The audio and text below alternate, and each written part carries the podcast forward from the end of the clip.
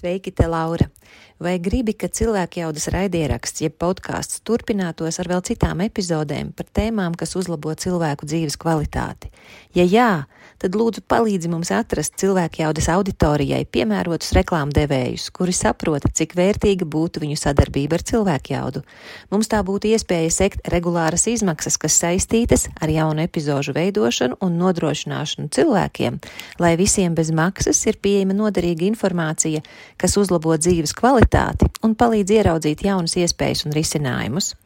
Ja gadījumā tu esi no reklāmas aģentūras vai tam līdzīga uzņēmuma, tad varbūt tu vari mums palīdzēt ar ieteikumiem un idejām, kā mēs varam sastapt īstos uzņēmumus, kuri būtu priecīgi par sadarbību ar cilvēku jaudu.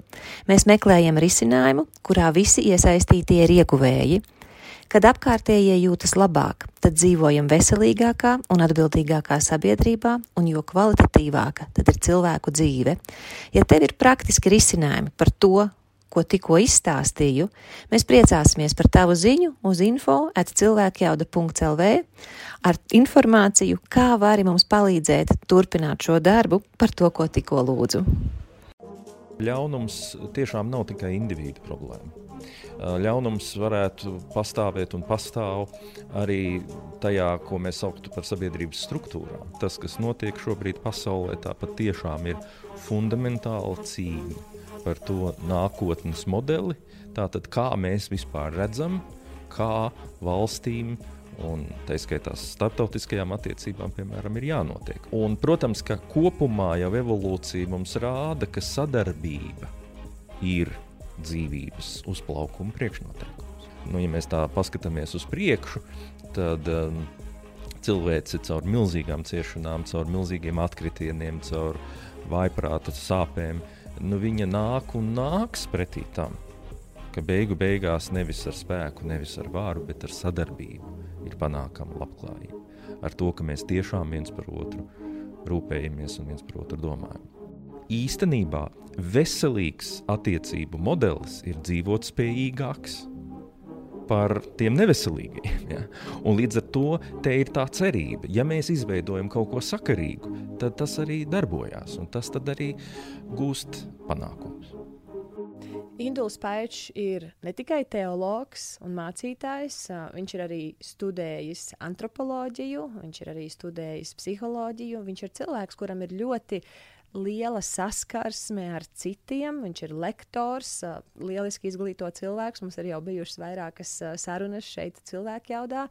Tāpēc es domāju, ka viņa milzīgā zināšanu bāze un spēja tās pasniegt ir kaut kas, kas ļoti mums var palīdzēt paskatīties, kā šo drausmīgo situāciju pārvērst milzīgā spēkā. Indula, paldies tev liels, ka tu varēji piekrist uz šo sarunu un esi šeit. Un saki, kas ir tas, ko tu pats tagad uh, pēdējās divas nedēļas, varbūt īpaši pēdējās nedēļas laikā uh, pamani, kā cilvēki nu, paši sev dara pāri mūsu sabiedrībā? Hmm. Ļoti labs jautājums, kā paši sev dara pāri. Es teiktu, ka nu, šī krīze nāk kā tāds nākamais vilnis vai nākamais pakāpiens iepratī tai krīzē, ka mēs nu, pat gājām cauri, kas bija saistīta ar Covid. Un, e, man liekas, ka tā atšķirības zīme šeit ir tā, ka karš ir kaut kas vēl tiešāks, vēl taustāmāks, vēl konkrētāks. Ja mēs runājām par vīrusu un slimību, tur varēja kaut kā tā iedomāties, ka gan jau mana imūnsistēma tiks ar to galā, un gan jau ka kaut kā mm, domājot labas domas, es tomēr no tā visa izvairīšos. Bet karš ir kaut kas tāds, kas mūs satriec līdz sirdsdziļumiem. Un vismaz manā cilvēku lokā daudz ir teikuši, ka šī krīze viņiem ir vēl daudz nopietnāka. Daudz lielākas īstenībā bailes par spīti visiem centieniem no viņām kaut kā izvairīties un tikt ar viņām galā, viņas fonā turpina darboties. Un mēs sastopamies ar klasisku lietu, proti, mēs nespējam atraut acis, gaidot it kā labas ziņas, varbūt cerot, ka tūlīt, tūlīt tas viss ātri beigsies, bet tas nebeidzās un nebeidzās. Un tad vienā brīdī mēs esam pār, pārņemti ar visām tām šausmām, kuras mēs redzam. Un, protams, ka mūsu prāts darbojās pa pilnu programmu, mēģinot tagad saprast, kas viss ar mums varētu notikt un kā tagad mums uz to visu reaģēt. Es tiešām domāju, ka trauksmes līmenis ir ārkārtīgi augsts. Uh, ir tāds teiciens, ka nedod Dievs uh, saskarties ar ar mēri, ar karu un ar badu. Mēris mums tikko bija, tagad mums ir karš. Nu, viena no lietām, ko mēs baidamies, ir par to nu, apakalipsi, kas varētu vēl tāpēc rasties. Man liekas, ka tā slodze, kas mums ir uz, uh, uz psihi pa šo laiku bijusi, ir vienkārši nu, neciešama. Pilnīgi taisnība. Mēs, jā, mēs esam iztērējuši jau ļoti daudz resursu cīnoties ar to visu iepriekšējo stāstu. Izgājuši tur it kā cauri visām iespējamām stadijām, un emocijām un reakcijām.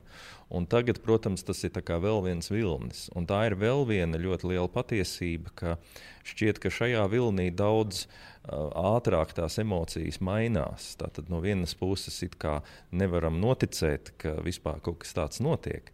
No citas puses, eh, ļoti ātri caur tām bailēm sāk spraukties arī dusmas, arī visādas tādas emocijas, kas varbūt pandēmijas gadījumā nāca mazliet vēlāk. Ja? Mēs vispirms nobijāmies, un, un tad varbūt vēlāk sadusmojāmies uz visiem tiem lēmumiem, kas mums nepatika. Bet šeit tā agresija un tā vēlēšanās no vienas puses kaut ko darīt, nezinu, ņemt pašam ieroci rokās un doties palīdzīgā vai, vai kaut kādā veidā reaģēt tā ir klātesoša jau no pirmās dienas. Dusmas kombinācijā ar šīm bailēm. Un, uh, mums pirms neilga laika bija saruna ar uh, doktoru Jāni Vītiņu, ārstu psihoterapeitu. Viņš teica, ka krīzē ir vairākas fāzes. Nu, pirmā tā ir apmēram septiņas dienas, divas nedēļas, kad mēs ļoti akūti visu uztveram, un tad nāk nākošā fāze, kur mēs sākam uh, akceptēt, jā, tas tiešām, tas tiešām notiek, un ka šī fāze ir, es neatceros, man liekas, ka tur bija trīs līdz se, ne, seši mēneši, līdz divi gadi. Nu, tur bija diezgan sarežģīta tā fāze. Tad, uh, kas ir tas, ko tu redzi, nu, ko mums jāņem vērā šobrīd? Ir divas nedēļas ir pagājušas. Es domāju, ka kopumā sajūtas daudzos cilvēkos sāk mainīties. Ja mēs vienmēr sekojam līdzi sociālo tīklu lentēm, mēs varam redzēt, ka pirmajās dienās tiešām bija nu, absolūti tāda monolīta vēlēšanās darīt visu iespējamo, lai šīs šausmas kaut kā apturētu un kaut kā reaģētu tad tagad mēs redzam, ka lūk, cilvēki jau mazliet noslāņojās. Kādi turpina uh, to cīņas garu sevī uzturēt, kādi citi jau sāk mēģināt kā, teikt, es nevaru to izturēt, man ir jāpārslēdzās, man ir kaut kā jāpadomā, kā es vienkārši izdzīvošu.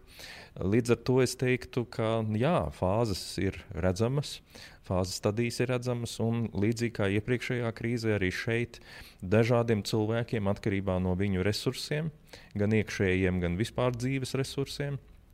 Nu, attiecīgi tas notiek dažādos ātrumos. Ja? Un kāds ir jau izbaidījies un jau nonācis līdz tam, ka tagad ir palicis tāds rūkums par to, kāpēc mēs neko nevaram izdarīt, lai palīdzētu tiem citiem. Nu, kāds vēl ar vienu ir absolūti, absolūti tajā baiļu sajūtā. Un es domāju, tas ir pilnīgi normāli. Mēs esam dažādi cilvēki. Un, protams, ir tie ģenerālie likumi, ko tu pieminēji, ja, kad ir kaut kāds posms, kuros tās emocijas mainās. Bet nu, tā jau nav tāda lineāra lieta. Tas nav obligāti tā, ka mēs tā smukējam cauri visām stadijām, precīzi pēc grafika.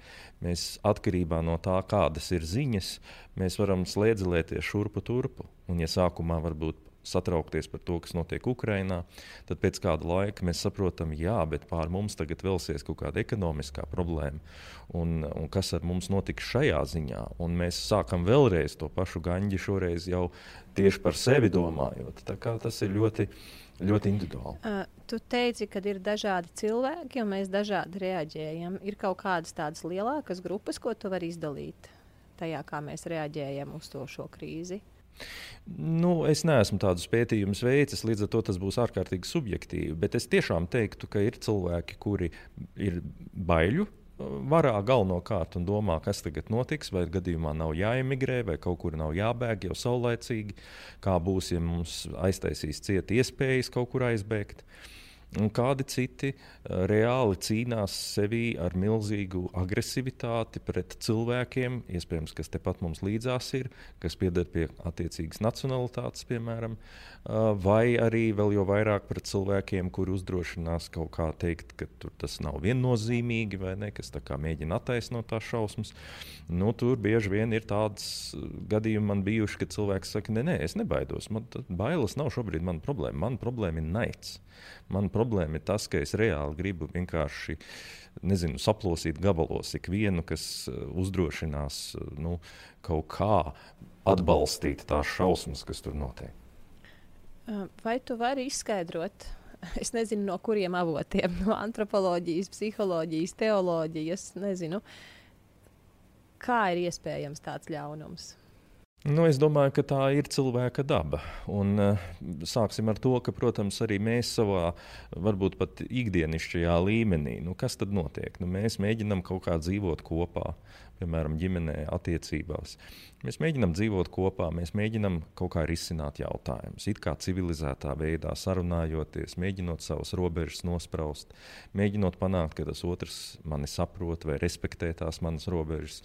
Bet es domāju, ka maz mūsu starpā ir cilvēku, kuri nekad mūžā nebūtu piedzīvojuši to, ka vienā brīdī tev slēdzās iekšā vēlēšanās pacelt balsi, kaut kā vienkārši nu, tā, ar tādu zināmu spiedienu un spēku mēģināt kaut ko panākt.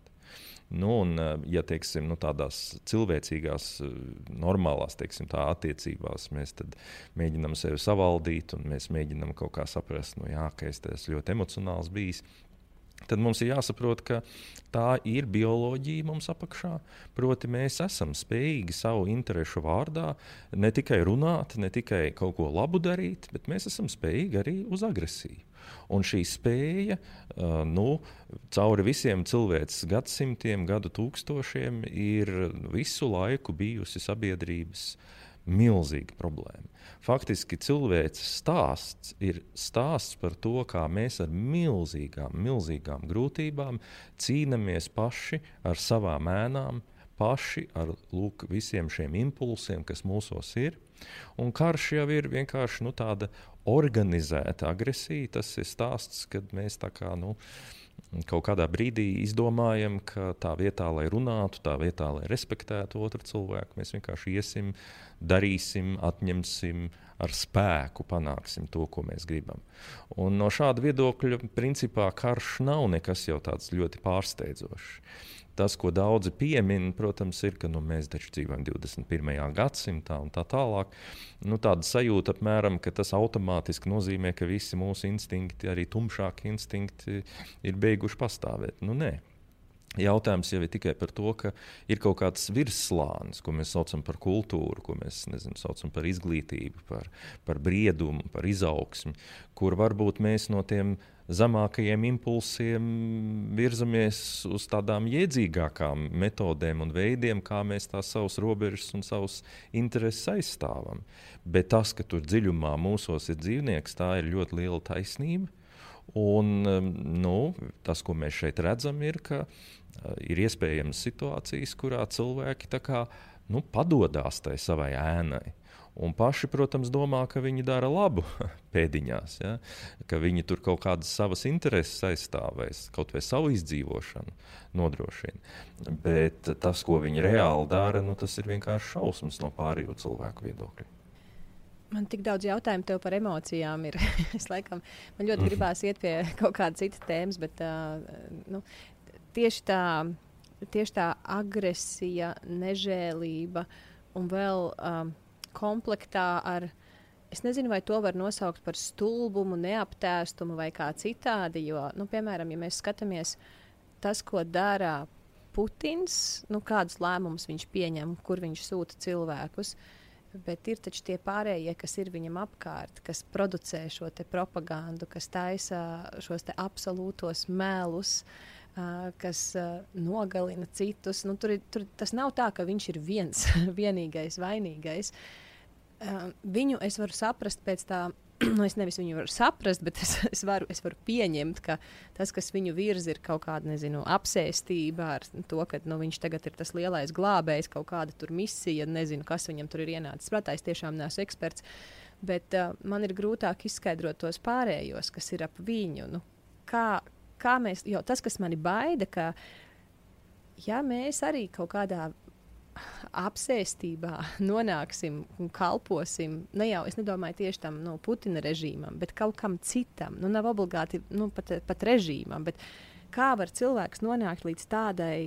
Tādam prāta aptumsumam, ka viņš kaut ko tādu dara, kā šie cilvēki, kas ir viņa, viņa bandā, ja tā var izteikties. Vai, nu, tur tas ir tiešām ļoti plašs, garš temats. Par to ir tiešām no visiem, punkti, no visiem skatu punktiem pētījumi bijuši, īpaši pēc otrā pasaules kara, protams. Uh, nu, tā īsa atbilde ir tāda, ka ļaunums tiešām nav tikai individu problēma.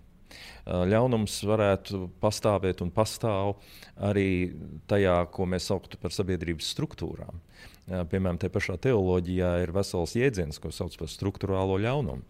Un tā ideja ir apmēram tāda, ka mēdz izveidoties attiecību struktūra, sistēma, kura tiešām pati sevi uztur. Un cilvēks, kurš ir tās daļa, varbūt pat kaut kur zemapziņas līmenī saprot, ka dara nepareizi vai ka tas nav pa īstam, un, un, un tur ir meli un, un kaut kādas nepatiesības. Bet tā sistēma ir spējīga pati sevi noturēt. Ja? Un tur ir viss kaut kas, sākot ar to, ka nu, sākumā jau liekas, ka nu, kas tur liels. Nu, es tur vienkārši kaut ko pateikšu, ka mēs tādi stipri un vareni, un tie pārējie tādi muļķi. Ne? Nu, nevienam jau ļaunums no tā necelsies. Nu, Tālāk es to pasaku, pēc tam jau tas kļūst par kaut ko, ko man vēlāk ļoti grūti mainīt, noliegt, teikt, ka es tagad kļūdījos. Līdz ar to es turpinu to runāt kaut vai tikai tāpēc, nu, lai būtu konsekventāks pats savā acīs. Pēc tam jau tas pāriet kaut kādās darbībās.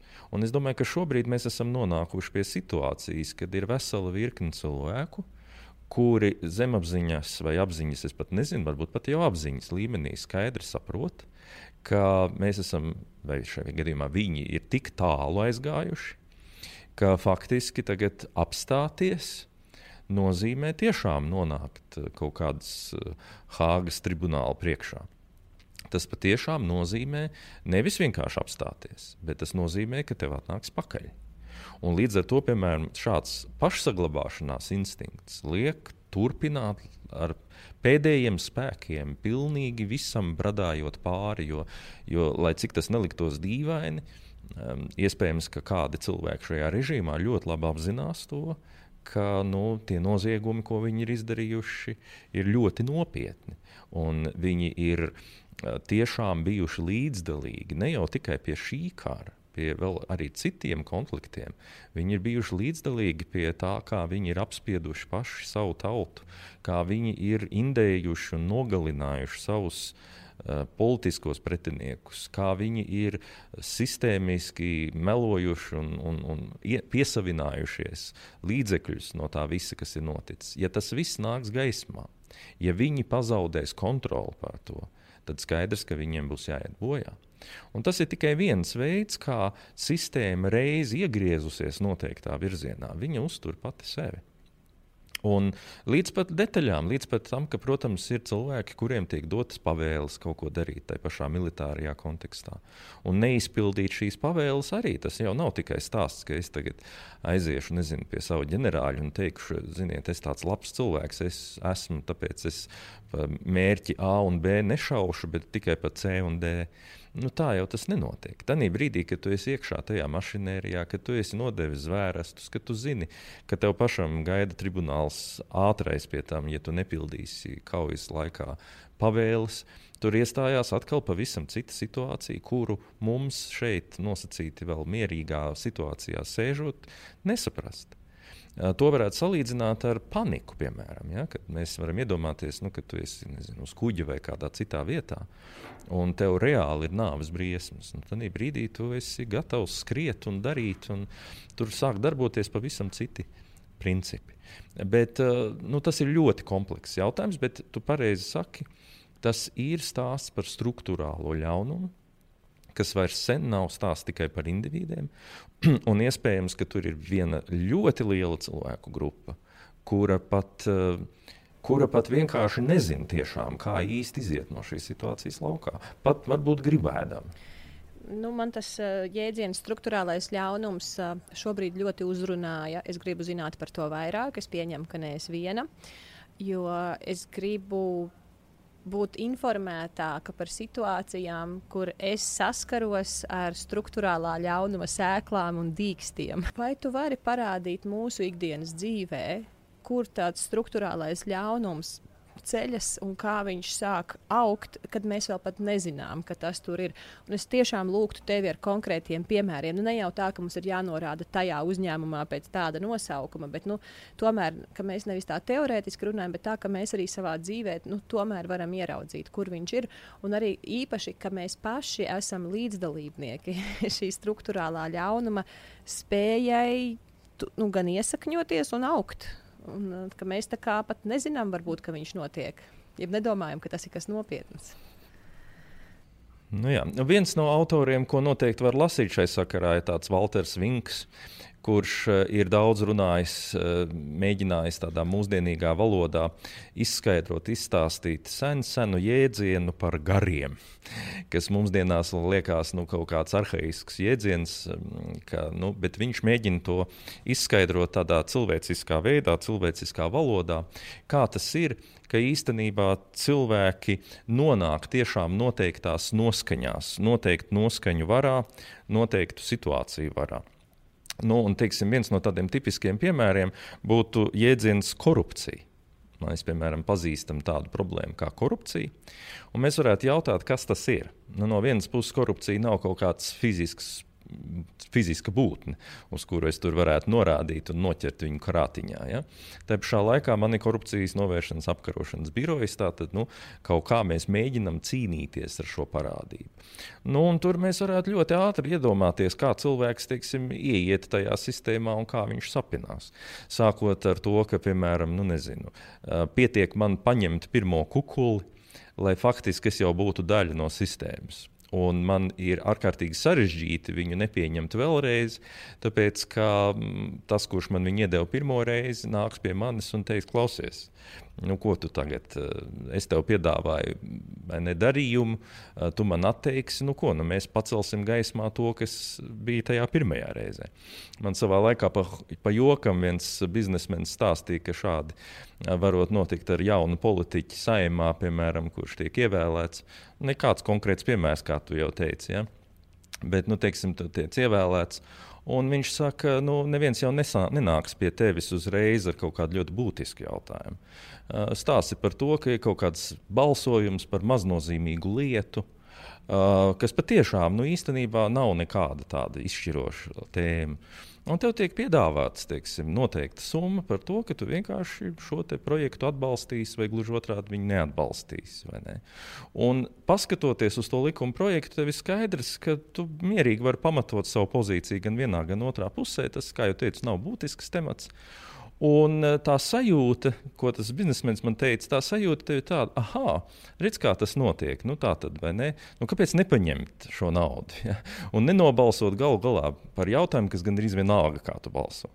Un tā sajūta tev ir, ah, man tagad ir māksla rokā, turpmāk, katru reizi, kad es balsošu un par nozīmīgākām lietām balsošu, tad man to summu turpinās dot.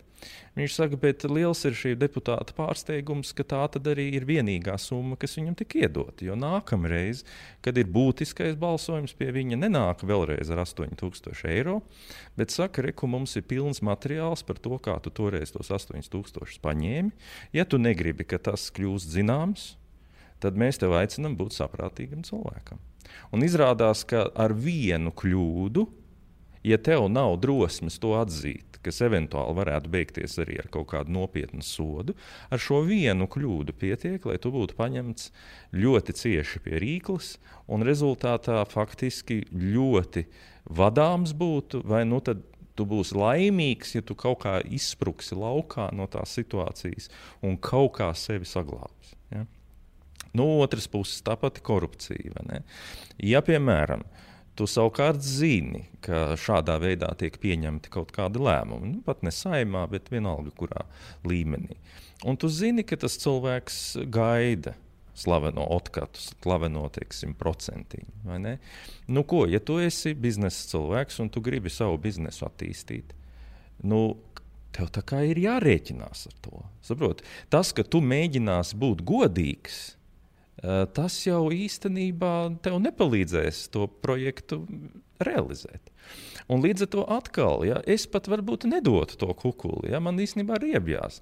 Bet cik tur ir tas kukuļu ņēmējs priekšā, un es personiski nevaru viņu atmaskot, jo, protams, ka viņš to ir darījis ar citiem cilvēkiem.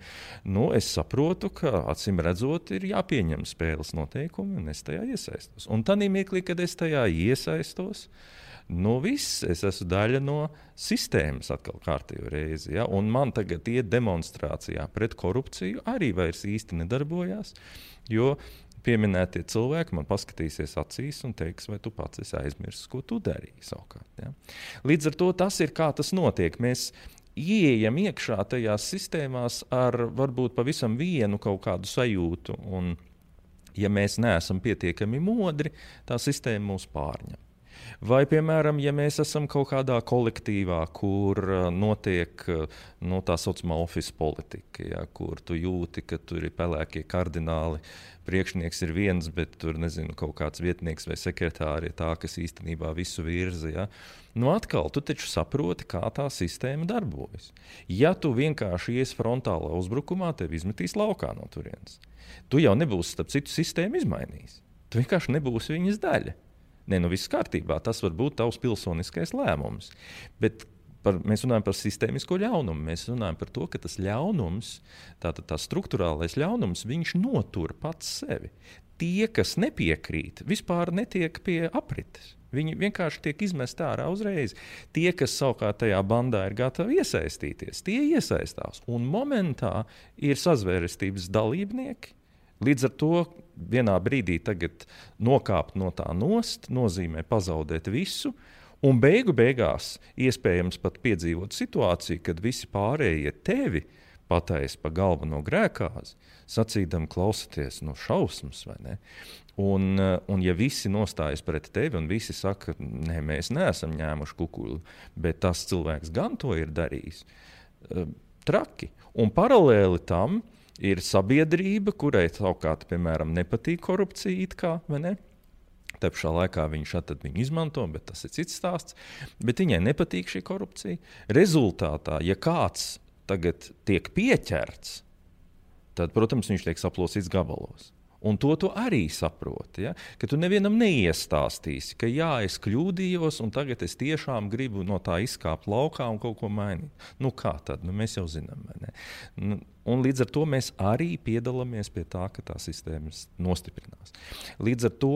Um, tā interesantā lieta ir, ka sistēmiskais vai struktūrālais ļaunums nav indivīda līmenī nemaz tik viegli ietekmējams. Un manis pieminētais Walters Vinks saka, ka šos garus, šo attiecību veidošanas stilu patiesībā var mainīt tikai cilvēku kopiena, kopība. Ja? Respektīvi, ja, patiesībā tas stāsta par to, ka tev jāveido kaut kāda alternatīva kopiena, kurā tad ir kaut kāda cita pozīcija, un tā var noturēties, un tā var ar laiku, varbūt pamazām kaut ko izmainīt arī tajā lielajā sistēmā. Kā tas izskatītos Latvijā? Ne, nu, es domāju, ka Latvijā tas izskatītos tādā veidā, ka nevis mēs tagad abstrakt apkarosim kaut kādu korupciju, bet ka tiešām veidojas cilvēki, kuri, piemēram, saprot, ka, um, kas ir korupcijas galvenā problēma. Tas, ka īstie uh, nu, lēmumi vai īstie lēmumu pieņemšanas iemesli neatrodas uz galda. Viņi neatrodas atklātā veidā, kur mēs redzam, piemēram, kāpēc lēmums tiek pieņemts. Viņš tiek eh, priekšplānā tiek izvirzīts kaut kas viens, bet realtātē lēmums tiek pieņemts kaut kur zem galda. Un tas, kas zina, kas zem galda notiek, tas tur var piedalīties, kas nezina, tas vienkārši ir izspiests laukā. Tad, ko parasti mēdz darīt, ir, ka nu, vienkārši tie cilvēki, kuri negrib spēlēt pēc šādiem noteikumiem, viņiem ir savā starpā jāveido sadarbība, kura viņus padara pietiekami spēcīgus, lai beigu beigās arī tie, kas ir pie tā galda vai zem tā galda, lai viņi būtu ieinteresēti darboties. Tad ir tas liktenīgais jautājums, vai, ne, vai mēs kļūsim par daļu no viņu sistēmas, ja beigu beigās mēs pārvarēsim to sistēmu un mēs viņu izmainīsim. Es saprotu, ka es šobrīd runāju ļoti abstrakti vēl ar vienu, bet ideja ir tajā, ka sistēmiskais ļaunums tiek apkarots vispirms viņu izgaismojot un ļoti skaidri sazino, apzinoties sevi, savā vistiešākajā lokā, Otrs ir veidojot tādu vidi un tādu kopienu, kura ir veselīgāka. Un tad, cerot, ka šī veselīgākā uh, vide un kopiena varētu būt tā, kas dod pretspēku tai lielajai sistēmai. Labi, es ņemšu dažus piemērus. Um, es esmu dzirdējusi no skolām tādus stāstus, kur atnāk skolotāji, kas ir nu, pārsvarā tas ir viens cilvēks, bieži vien sākumā, kas atnāk tiešām ar. Mm -hmm. Es gribu mācīt bērnus, es gribu, es gribu lai viņiem ir tādas nu, vērtīgas, labas tās mācības, lai mums te beidzās tur kaut kāds tur bossings, mobbings, vēl nezinu kas. Un pamazām tas cilvēks saskarās ar tādu nomācošu spiedienu no pārējo puses. Viņš ir nācis ar tādu vissaulaināko attieksmi, kad, jā, es zinu, būs grūti, bet beigās ir tik grūti, ka vairs nevar izturēt. Un tie cilvēki mēdz salūst. Un tad ir labi, es saprastu, ja nu, nevis, man nav patīkami, kad es to saprastu, bet labi, ja tas notiek valdībā, es vēl kaut cik saprastu. Bet tie pārējie, kas to cilvēku, to, to skolotāju nospiež, arī ir pedagogi, arī strādā nu, ar, ar mūsu bērniem. Es vienkārši nu, nesaprotu, kā mēs līdz tam esam nonākuši, kā skolā.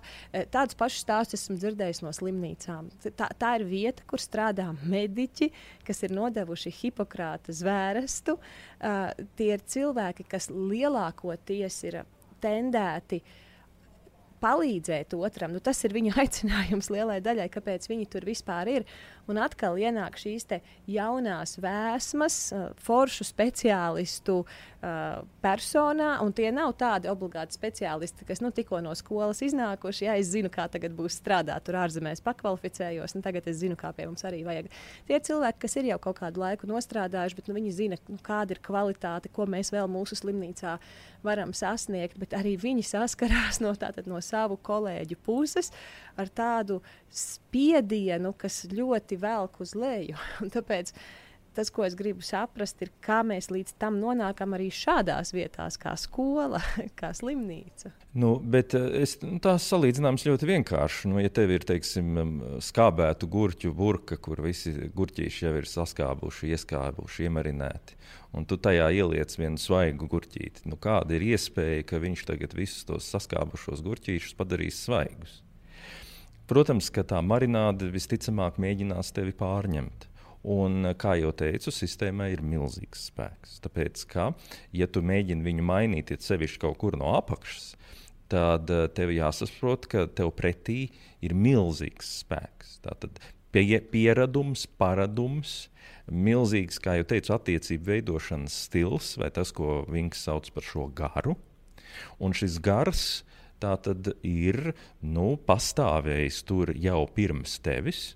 Kā viņš ir izveidojies? Nu, viņš ir izveidojies patiesībā procesā, lēnā gaitā, mēģinot visu laiku reaģēt uz situācijām, Katram it kā meklējot to vienkāršāko veidu, kā izdzīvot, varbūt izšķiroši svarīgi ir kādreiz, kas ir bijuši tie cilvēki, kas ir bijuši arī vadībā noteiktos posmos. Izšķiroši svarīgi ir kādi vispār vēsturiskie posmi ir bijuši.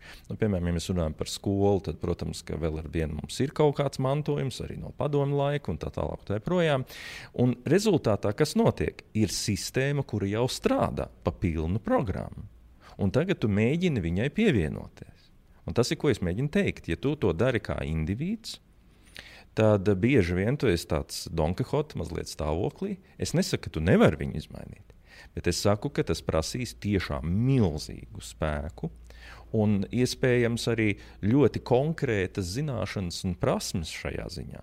Proti, redz, visstrakākais jau ir tas, ka tu pat vari nezināt un nesaprast, ka tas, ar ko tu saskaries, ir nevis pat kaut kādi slikti cilvēki, bet šis struktūrālais mehānisms, kur, ja tie paši cilvēki būtu nolikti citā sistēmā, citās attiecībās, viņi iespējams rēģētu stipri savādāk.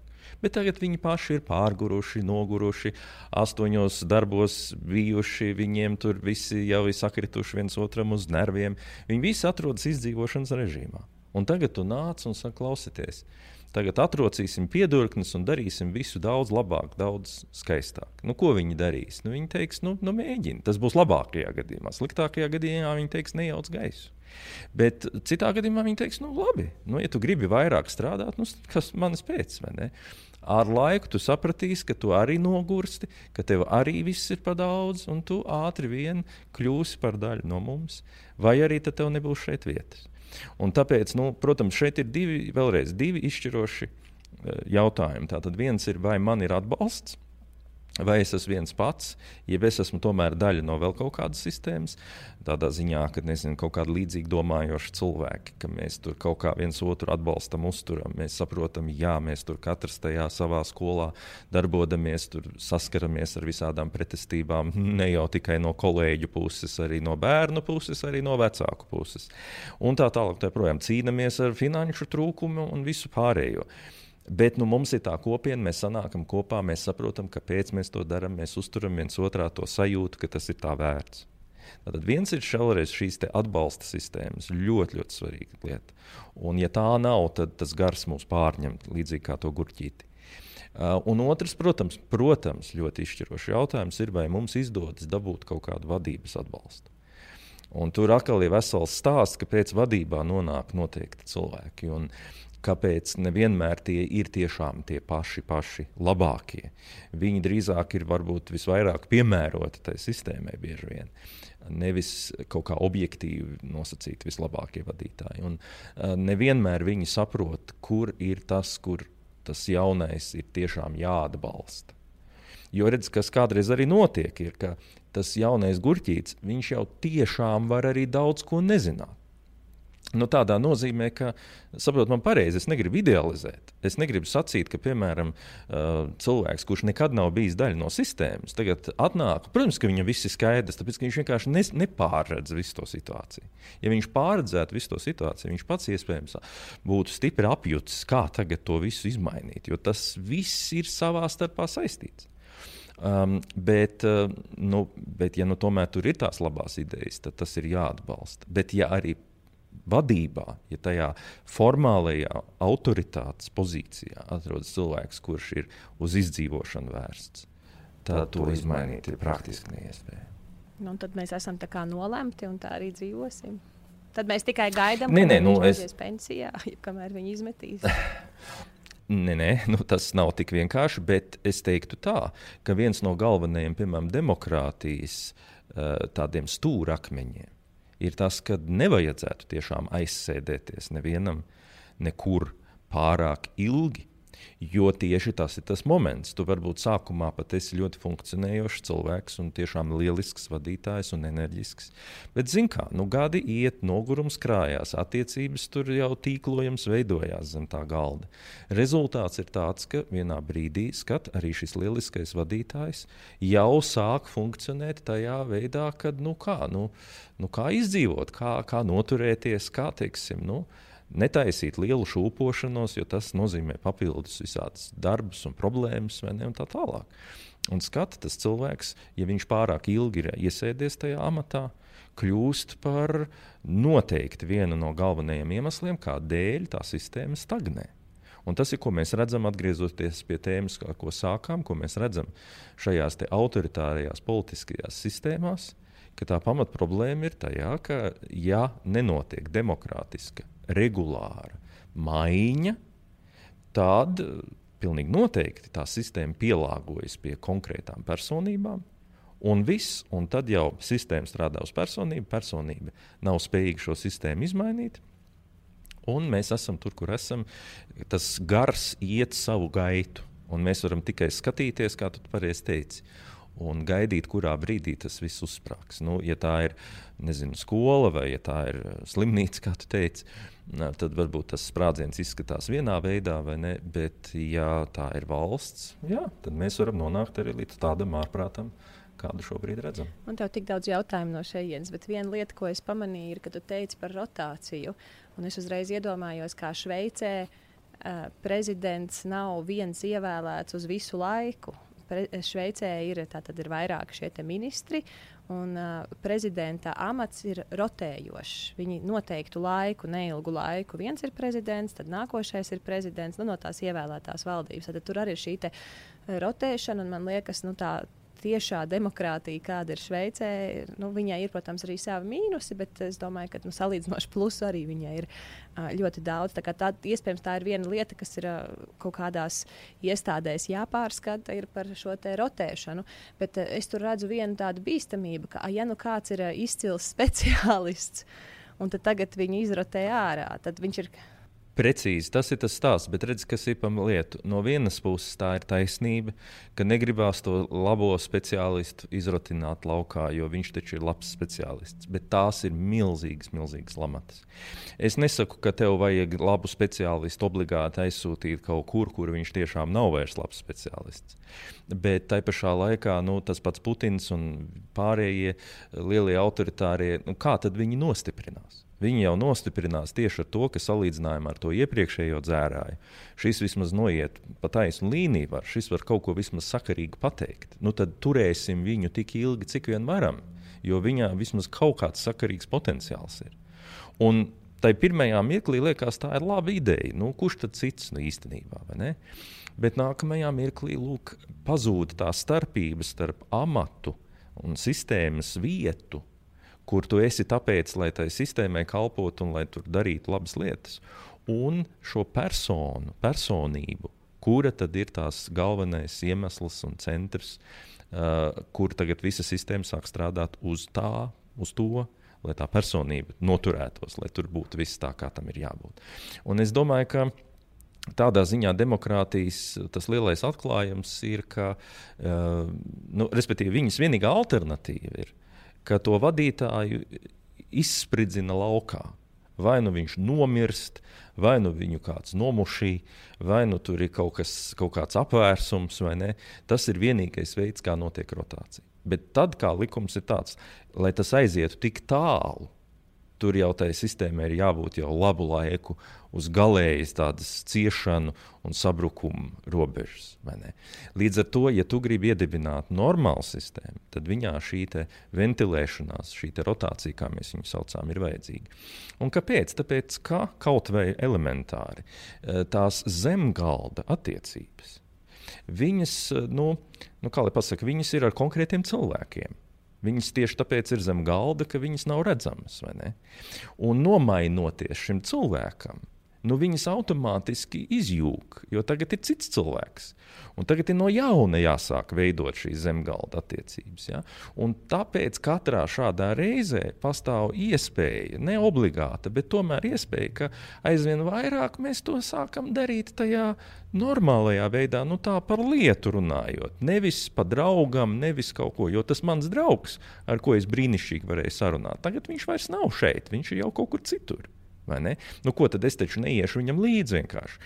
Es tagad mēģināšu ar šo cilvēku. Nu, tagad man ar viņu jānodibina tādas pašas attiecības. Un tādā veidā katrā šajā posmā ir iespējams kaut kādai uh, labākai situācijai būt. Ja? Kā jau teicu, tas nav obligāti. Mēs varam, protams, turpināt visu darīt atžgārni, bet vismaz ir iespēja kaut kam pamainīties. Un tas nu, ir tas, par ko, manuprāt, ir ļoti, ļoti jācīnās. Un man, es ļoti piekrītu tiem cilvēkiem, kas saka, ka tas, kas notiek šobrīd pasaulē, tā patiešām ir fundamentāla cīņa par to nākotnes modeli. Tātad, kā mēs vispār redzam, kā valstīm un tā skaitā starptautiskajām attiecībām, piemēram, ir jānotiek. Vai mēs iesim uz to, ka tas ir tiešām tāds. Nu, Nezinu, kā lai to nosauc, oligārhu pasākums, ja, kur ir daži cilvēki, kas vienkārši ir drauga draugi, un tiem tad ir viss iespējams, un pārējie nav nekas. Ja tev vienkārši nav kontaktu un sakaru, Jeb mēs iesim uz to, ka valsts kalpo cilvēkam, un principā strikti runājot, kas tieši ir tajā amatā, vairs nav nemaz tik ļoti nozīmīgi. Jo, kā jau teicu, visas attiecību veidošana notiek virs galda, tur, kur ir ļoti skaidri spēles principi. Un tas veicina arī konkurenci, tas veicina arī to, ka mēs varam lietas darīt. Es saprotu, kāda ir spēles noteikumi. Lai nebūtu tā, ka es paskatos uz galda rakstīts, ka, nu, ja tu izdarīsi tā, tad tu dabūsi to projektu, piemēram. Un es izdaru visu. Bet nē, es viņu nedabūju. Kāpēc? Tāpēc, ka īstenībā viss notiek zem galda. Ja? Tur, kur neviens nezina, kas tur īstenībā notiek. Līdz ar to man nav vērts vairs censties. Tāpēc, jo atklātāks ir attiecību modelis, jo, protams, viņš uh, ir veselīgāks. Un tas atkal atgriežoties pie senajām, senajām metaforām par tiem gariem. Uh, proti, nu, piedošana, bet es to pateikšu, ja, ka vēlnam ļoti nepatīk gaisma. Viņam ļoti nepatīk, ka viņš tiek izcelts gaismā. Jo tad, kad tu saproti, kā īstenībā lietas notiek, nu, tad tev nevajag pat nekādu konsultantu, lai tu saprastu, ka nu, tā nevajag darīt. Bet uh, tas, kas viņam ļoti patīk, ir tāda neskaidrība, tāda tumša bilde. Lūk, tur propaganda pa virsmu stāsta kaut ko vienu, bet realitātē notiek kaut kas pavisam cits.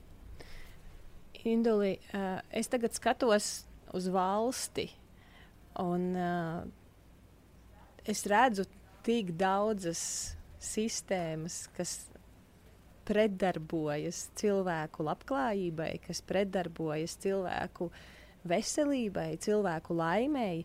Es nevarētu teikt, ka visas viņas ir ļaunas un mēs tagad te visus mušīsim, dušīsim. Ja? T tas varbūt nav kā viņas ir radušās, bet tās sekas ir, ka tās sistēmas eksistē un rezultātā cilvēku dzīves kvalitāte ir sliktāka. Es atceros laiku, kad es pārcēlos uz Šveici dzīvot, uz Cīrihi. Un Cīrihe septiņus gadus no vietas bija, man liekas, ka septiņus, uh, pasaules visaugstākās dzīves kvalitātes pilsēta. Es to toreiz sasaistīju. Ah, tā tad viņi ir bagāti. Un man paskaidroja, nē, dzīves kvalitāti pilsētai mēra pēc tā, cik mums ir parki, cik viegli cilvēkiem ir pārvietoties ar sabiedrisko transportu. Dzīves kvalitāti mēra pēc tā, kāda ir kvalitāte iedzīvotājiem un cilvēkiem, kas atrodas šajā pilsētā. Un es tagad vienkārši domāju, ka tik daudzi lēmumi Latvijā, un ne tikai Latvijā, daudzās arī citās valstīs, un tai pašā Šveicē arī ir kaut kādi nu, savi lēmumi, kas netiek pieņemti balstoties uz cilvēku dzīves kvalitāti, uz to, nu, ka tā mūsu tautas dzīves kvalitāte, kad viņi tiek pieņemti balstoties uz vecām sistēmām, pie mums tā vienmēr darīja, balstoties uz kaut kādu šo sa savu izdevīgumu. Un tu zini, nu, man gribētos, lai tā situācija mainās. bet, bet man būtu žēl, ja viņa mainīsies tikai tad, kad man bērni jau būs pieauguši. Man gribētos, lai cilvēki, kas, kas ir 30, 40, 50, 60, 70 gados, un arī 80 gados, ka viņi varētu piedzīvot to, ka sistēmas, kurās, kuras veido mūsu ikdienu, veselības aprūpe, izglītība, darba vide, nu, teiksim, dažādas šīs te valsts institūcijas, ka tās sistēmas kalpo cilvēkam, nevis dažādi cilvēki dabū kalpot šīm sistēmām, kurās iekšā ir kaut kāds struktūrālais ļaunums, neatkarīgi no tā, vai oriģināli tas ļaunums gribēja tur būt, vai viņš laika gaitā vienkārši tāds veidojās. Kādas ir vispār mūsu iespējas? Uh, nu, te ir tā starpība, ja, kad uh, ja es mēģinu dabūt savu personisko labumu, tad es varu mēģināt atrast visādus izceļus, kā tagad nu, piesavināties kaut ko, kā savu subjektīvo labklājību pacelt, uzcelt sev pili ar zelta traukiem. Ja? Un, um, man īsti neinteresē, kas tur apkārt notiek. Galvenais, ka man tā pilsēta ir. Ja. Uh, ja tas ir tā, tas ir salīdzinoši ātrs pasākums. Nu, teiksim, nozagt bieži vien tas ir viens mirklis. Bet savukārt, ja es gribu visu to sistēmu, kā tu saki, celt augšā, tas ir bieži vien ilgtermiņš. Tur ir taisnība pretējs tas stāsts, ka nevis tagad es nozagšu, man būs zelta pils, un pārējiem nebūs nekas, nu, lai viņiem nav. Bet tur kādreiz ir otrādi, ka kamēr kaut viens dzīvos riktīgi slikti, tā visa tā sistēma īstenībā nedarbosies. Ja? Tur ir jāceļ visi augšā.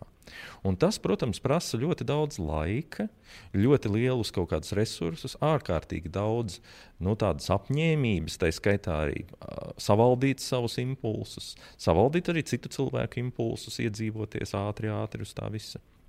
Un tāpēc es teiktu, tā, ka visa, kā jau mēs runājam, visa cilvēces vēsture ir šis skumjais stāsts par to, cik lēni mums veicās ar mūsu pašu dabas, mūsu ēnu kaut kādu apstrādi. Šajā gadījumā ar ēnu saprotot tās tumšās mūsu puses, ja tādā ziņā tīra, varbūt arī pat morālā nozīmē tumšās puses.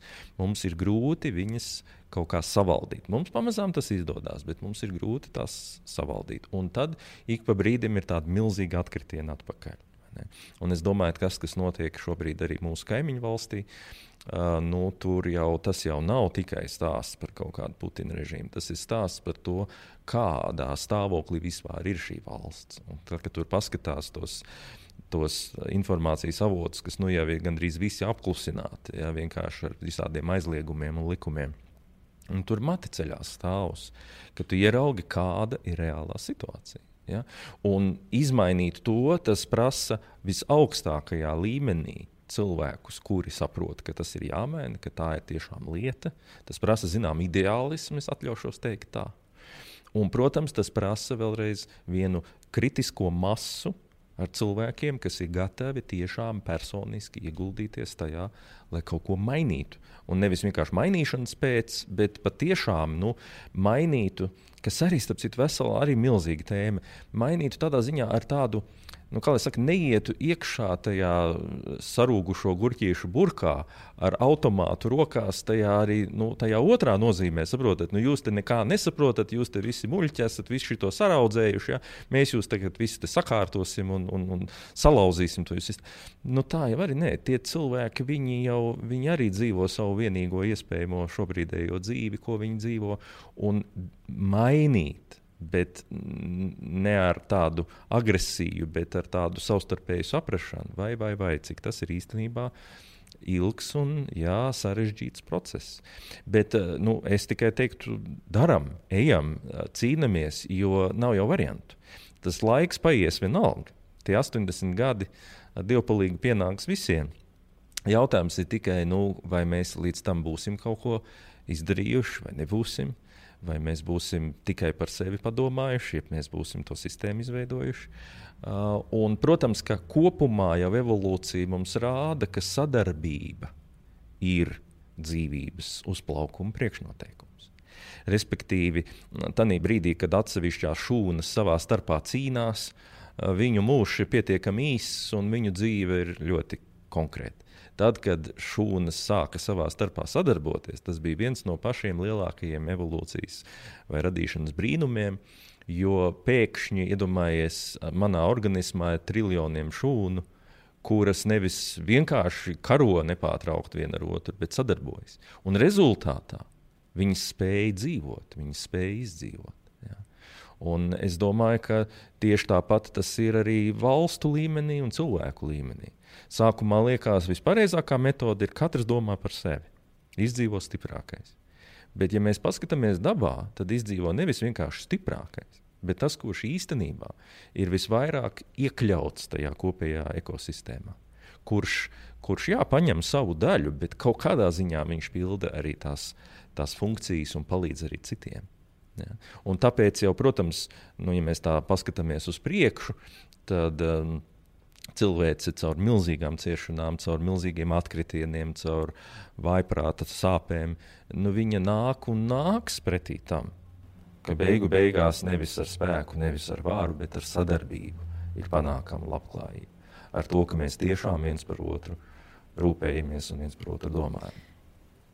Mēs pirms pašos cilvēku jaudas pirmsākumos, es neatceros, vai tā bija sestā vai septītā intervija. Šobrīd es pēc tam pielikšu atsauci tiem, kam vajadzēs.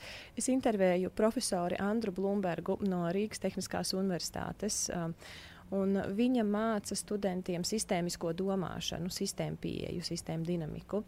Un viņa sacīja par sistēmām tādu lietu, ka uh, tās nav intuitīvas. Mēs nevaram visu tie sistēmas elementi kopumā ir tik sarežģīti un tās miedarbības, ka bieži vien mūsu problēma kaut ko mainīt sistēmās ir tāpēc, ka mēs cenšamies to darīt. Nu, reku es visu redzu, es tagad visu saprotu, bet kā tie elementi viens ar otru miedarbojas, bieži vien ir uh, labāk redzams caur dažādiem matemātiskajiem modeļiem, nu, lai tiksim, varētu vispār noķert, ka šim elementam ir nopietna ietekme, bet neviens to elementu līdz šim neturēja pat aizdomās, ka tam varētu būt nopietna ietekme. Ja kā reizi kāds cenšas iedarboties uz citu elementu, jo izskatās, ka tam gan ir nopietna ietekme, un izrādās visi tie pūliņi, tā nauda ir vienkārši palaista vējā, jo tam elementam nu, tā ietekme ir mazsvarīga pavisam.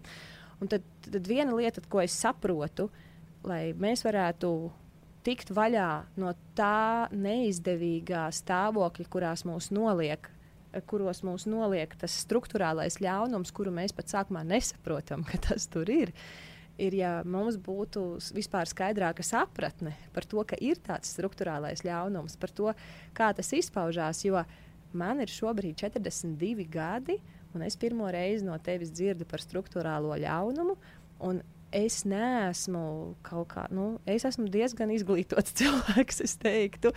Un, uh, es zināju par pētījumu, es tagad aizmirsu ātrumā no, vārdu viņam, uh, tam profesoram, kurš veica šo cietumnieku eksperimentu. Tu droši vien zini, par kuru eksperimentu runāja. Mūsu klausītājiem pavisam īsi, ka tika veikts eksperiments uh, studentiem, ka viena daļa studentu bija ieslodzītie un viena daļa studentu bija cietumsargi. Uh, un burtiski dažu dienu laikā cietumsargi pārvērtās par absolūtiem zvēriem, kas tiešām pazemoja fiziski izrēķinājās ar cietumniekiem, un cietumnieki dažu dienu laikā, zinot, ka viņi piedalās eksperimentā, ka eksperiments beigsies, dažu dienu laikā pārvērtās nevarīgos, bezpalīdzīgos cilvēkos.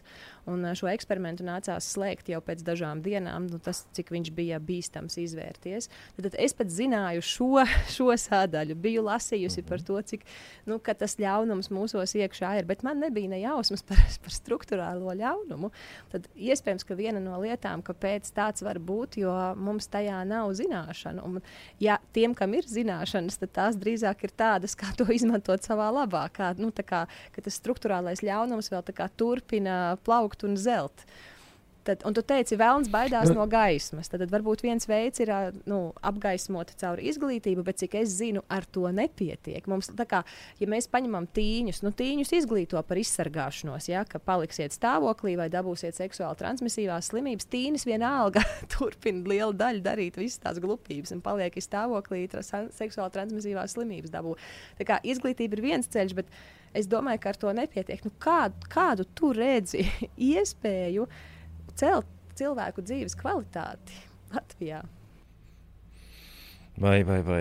Nu, es atbildēšu ļoti vienkārši. Struktūrālais ļaunums tieši tā. Eh, no vienas puses saprast viņu. Eh, no citas puses, piemēram, nu, iedomājies, eh, labi, sistēmas, tā intervija, ko tu pieminēji, brīnišķīgi, tiešām ļoti svarīgi atslēgas momenti tur tika pieminēti.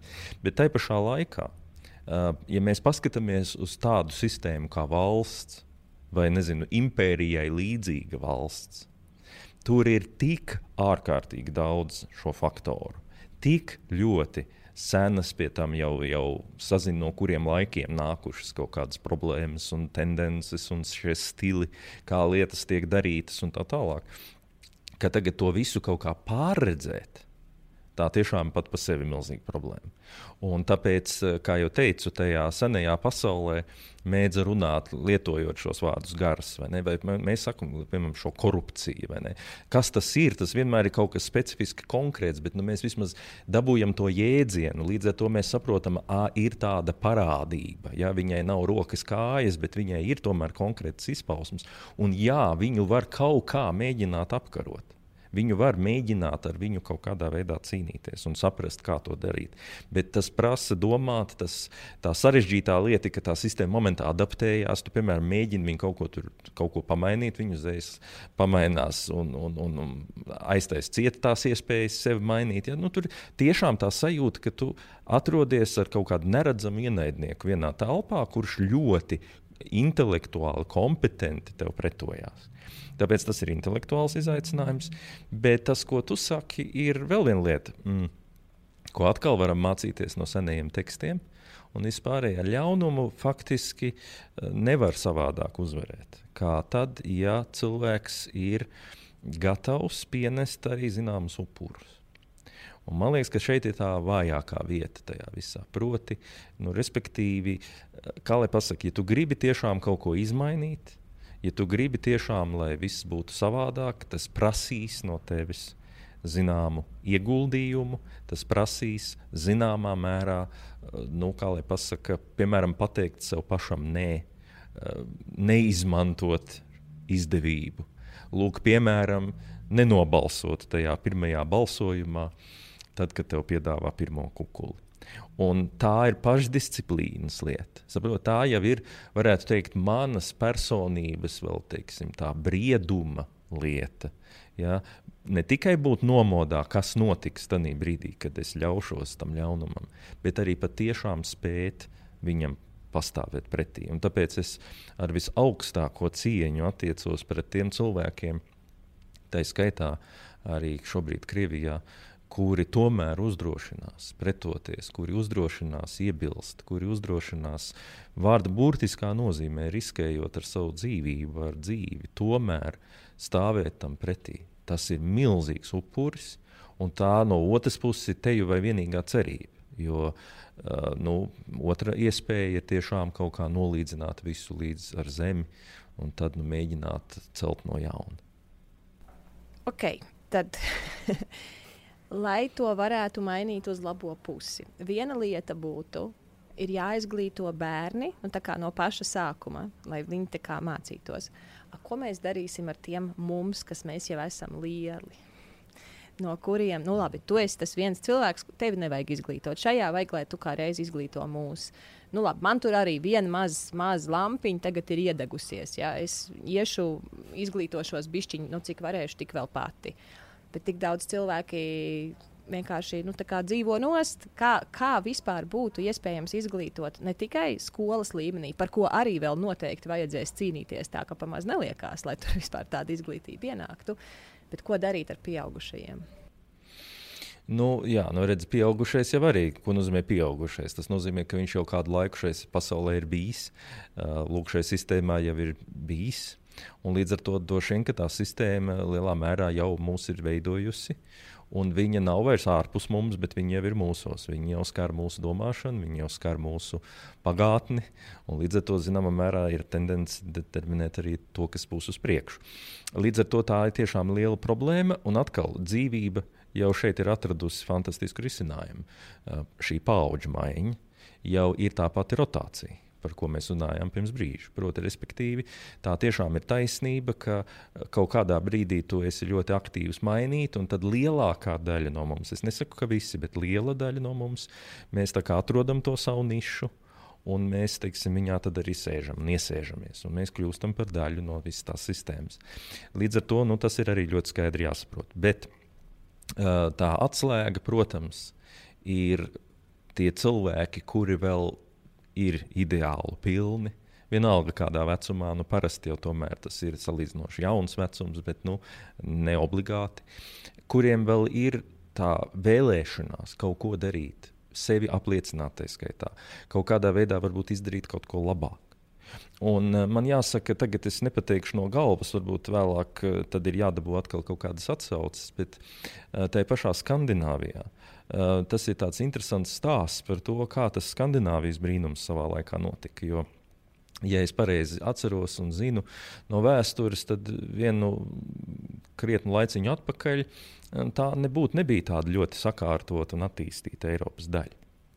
Un tur bija do, ļoti daudz visādu problēmu, un, un tā tālāk. Tā un šķiet, ka ļoti izšķirošs pavērsiena punkts bija burtiski dažu cilvēku īstenota tāda kampaņa, ne kampaņa.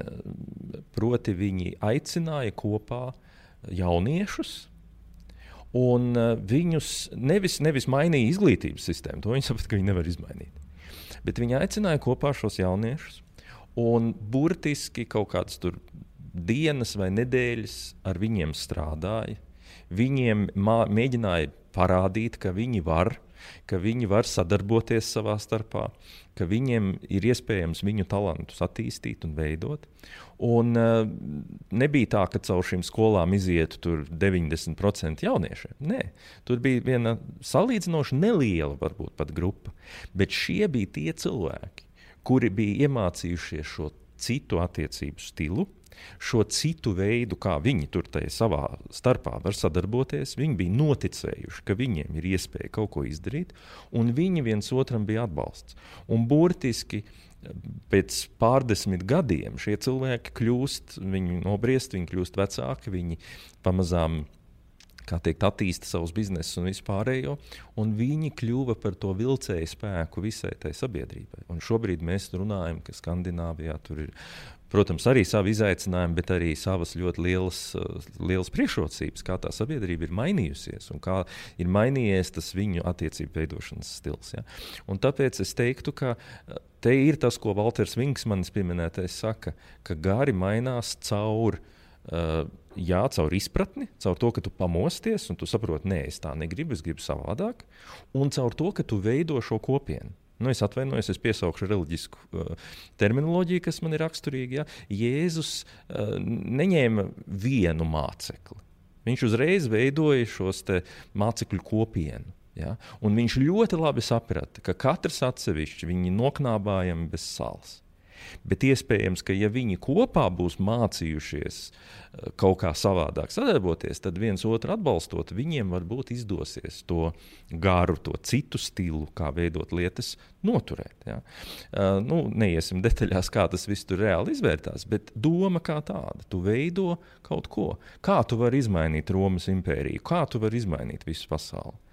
Tu viņu vari izmainīt, radot šo sēklu, radot šo vidi, kurā kaut kas cits patiešām nostiprinās un veidojās. Un tāpēc, jā, izglītošanā, zināšanas, protams, protams, sapratne, kas notiek, bet arī, protams, nu, tas, uh, tur kādam ir jābūt, kas kā, ir gatavs tiešām nu, ieguldīties. Jā. Kā mēs to dabūsim gatavu? Oh, nu, bez glaimiem, es domāju, ka savā ziņā tas, kas notiek caur cilvēku jaudu, tas, ko mēs nezinu, no Kaspara mēģinām caur realizēt, darīt, tas, ko, kas, ko mēs varam šobrīd izmantojot jaunās sociālo tīklu un vispārējo tehnoloģijas, tas jau ir tas sākums. Mēs runājam, mēs līdz ar to dabūjam to informāciju, mēs sākam just, ka ir cilvēki, kuri arī domā par šīm lietām, kuri izrādās arī redz problēmu, un nevis vienkārši tādā ziņā, ka viss ir slikti un viss ir nepareizi. Nu, tā jau nav problēmas redzēšana, tā ir vienkārši sūkstīšanās un, un vaimanāšana. Bet kas saprot, nē, nu klausieties, nu kaut kas ir jādara. Un tad mēs meklējam šo, lietojot eh, šīs sarunas virsrakstu, šo jaudu, šo spēku, kas cilvēkā ir.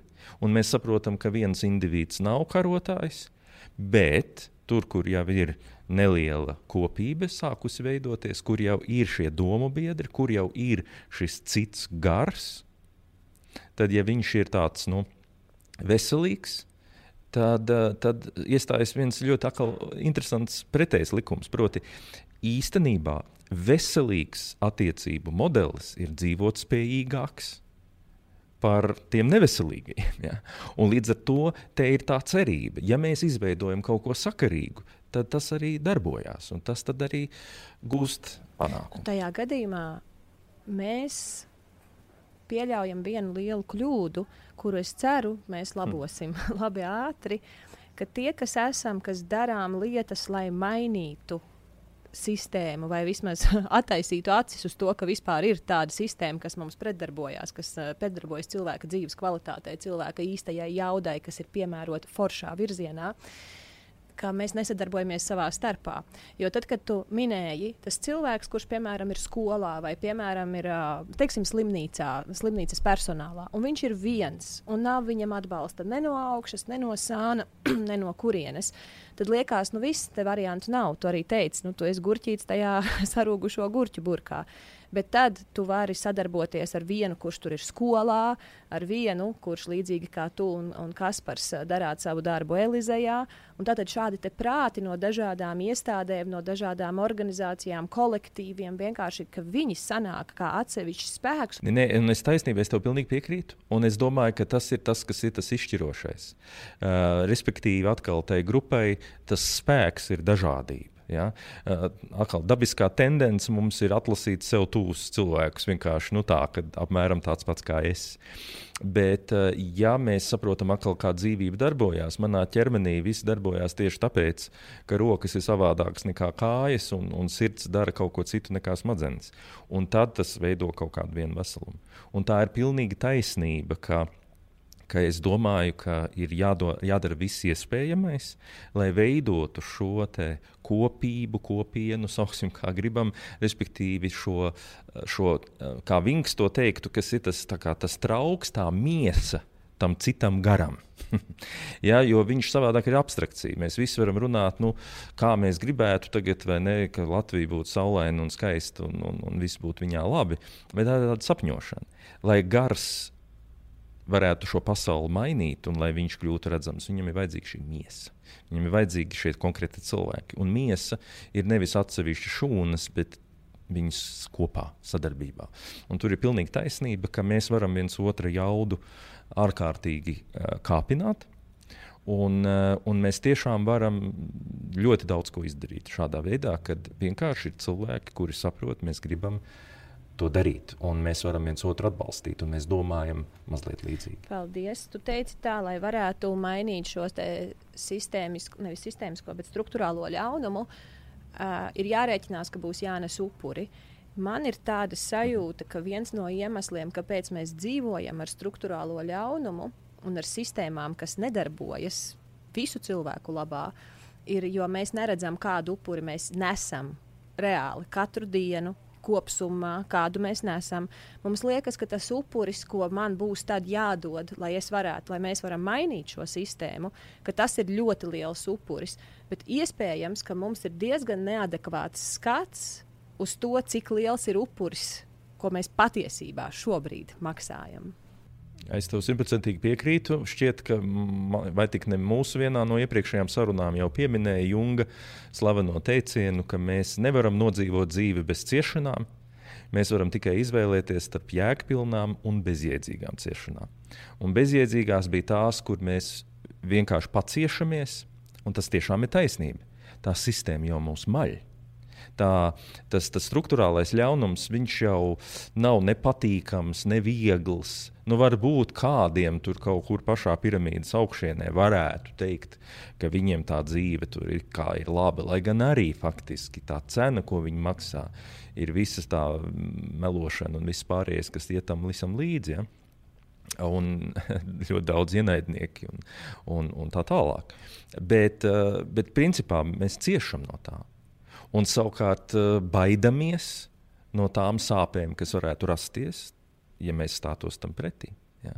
Un tas ir atkal, ko mēs redzam tepat kaimiņu valstī, ne, kur ir tā, ja tu izēji viens ielā ar plakātiņu, tad tev atnāk desmit teiksim, līdz zobiem bruņot gvardas pārstāvji un vienkārši bez variantiem tevi iznīcina. Nu, nu, pārnestā vai tiešā nozīmē. Ja, ja iznāk simts, nu, tad jau ir tā kā savādāk tā sajūta, bet vienalga.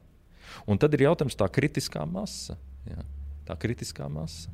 Un šeit ir tā, ja es viens cīnos, tad man ir jābūt titānam, tad man ir jābūt nu, kaut kādam, ne, nu var. Iespējams, ka var arī viens cilvēks kaut ko izdarīt. Ir sevišķi, ja tas, tā organizācija nav liela vai kaut kā tāda viens nāk un tur tā baigi tur ieguldīdamies, var ļoti daudz ko izdarīt. Es negribu, starp citu, to noniecināt. Bet nu, tajās lielajās sistēmās nē. Bet savukārt, ja es sadarbojos ar citiem, tad sāk darboties tas, ka citu pleca sajūta, citu atbalsta sajūta. Tas, ka citi arī domā līdzīgi, enerģizē mani, iedvesmo mani. Un beigās iznāk tā, ka es nesu upuri, bet faktiski īstenībā nodzīvoju vienu fantastiski skaistu, gandarījumu pilnu dzīvi, vai vismaz dzīves posmu. Nebija viegli, bet tas bija tik kaut kādā ziņā arī vērtīgi. Ja? Tas ir tas, ko daudz piedzīvo, teiksim, nu, piedzīvoja arī kaut kādā atmodas laikā vai tam līdzīgi. Kad, nu, tur bija bailīgi, tur, tur, bija, tur bija grūti, ja? bet, nu, bet mēs zinājām, kāpēc mēs to darām. Tā savstarpējā atbalsta sajūta bija ārkārtīgi svarīga. Es to redzu arī tādā mikrokosmā, kas ir uh, mana ģimene. Uh, ja mums pie sienas, ēdam galdam riņķī, divas sienas ir, nu nevis riņķī, viena vienā pusē, otra otrā pusē, un tur stāv bildes no mūsu gada īpašākajiem brīžiem. Nu, tā kā telefons vienmēr pie rokas, vienmēr ir iespēja nobildēt. Un tad, kad es skatos uz tiem momentiem, par ko man ir vislielākais gandarījums, vislielākais prieks, vislielākā laimes sajūta, neviens no viņiem nenāca viegli. Vajadzēja ar bērnu kaut kur uzrāpties, kas bija bīstami, kas bija ļoti grūti. Vajadzēja savākties un aizbraukt kaut kur, kas arī bija sarežģīti. Un, kā, vajadzēja iet kaut kādos treniņos vai nu, tiksim, fiziski kaut kam grūtam cauri, lai pēc tam justu tādu gandarījumu par to, ko es paveicu, kādus cilvēkus es šajā ceļā satiku, kas mēs kopā esam. Nu, tā ir tāda uh, milzu bagātība. Es, es domāju, ka tam, ko tu saki, ir precīzi tāda pati nozīme arī makro, makro līmenī. Jā, precīzi. Jo, jo redzi, tā sakal ir cits, sakal milzīgs, plašs temats. Bet stress jau kā tāds cilvēkam ir vajadzīgs. Viņš jau nav nekas slikts. Ja mums galīgi nav stresa, mums arī nav baudas. Bauda radās no stresa atslābuma. Bauda radās tajā brīdī, kad ir bijis kaut kāda piepūle vai kaut kas ir trūcis, un tu tagad to piepūli vari atslābināt, un tu to mēķi esi sasniedzis, un, un teiksim, tu, tev bija izsalkums, un tu beidzot paēdi, un tev bija kaut kāds mērķis, un tu viņu beidzot sasniedz, un tu vari atslābt. Tas ir tas, kas ir prieks. Un tā ir problēma ar šīm bezjēdzīgajām ciešanām, ka ļoti, ļoti sargājoties, ka tik kaut kas nenotiek, tā arī tiešām nekas nenotiek, un tā kļūst par problēmu pat par sevi. Jo dzīve kļūst nepanesami pelēka. Nu tā, nu mēs tā ejam līdzi tam visam. Mēs jau zinām, ka labi nav. Bet, zin kā, nu, taču neies saspringt, labāk ieslēgt televizoru, ko tur kalnos kāpt, ko tur, ko tur censties kaut ko darīt. Nu, ko tur iet uz to sporta zāli vispār ārprāts, vai ne? Ieslēdzam televizoru, vai ne? Paskatāmies kaut ko, atslābinamies, it kā vienkāršāk. Bet rezultātā arī tas baudījums ir mazāks.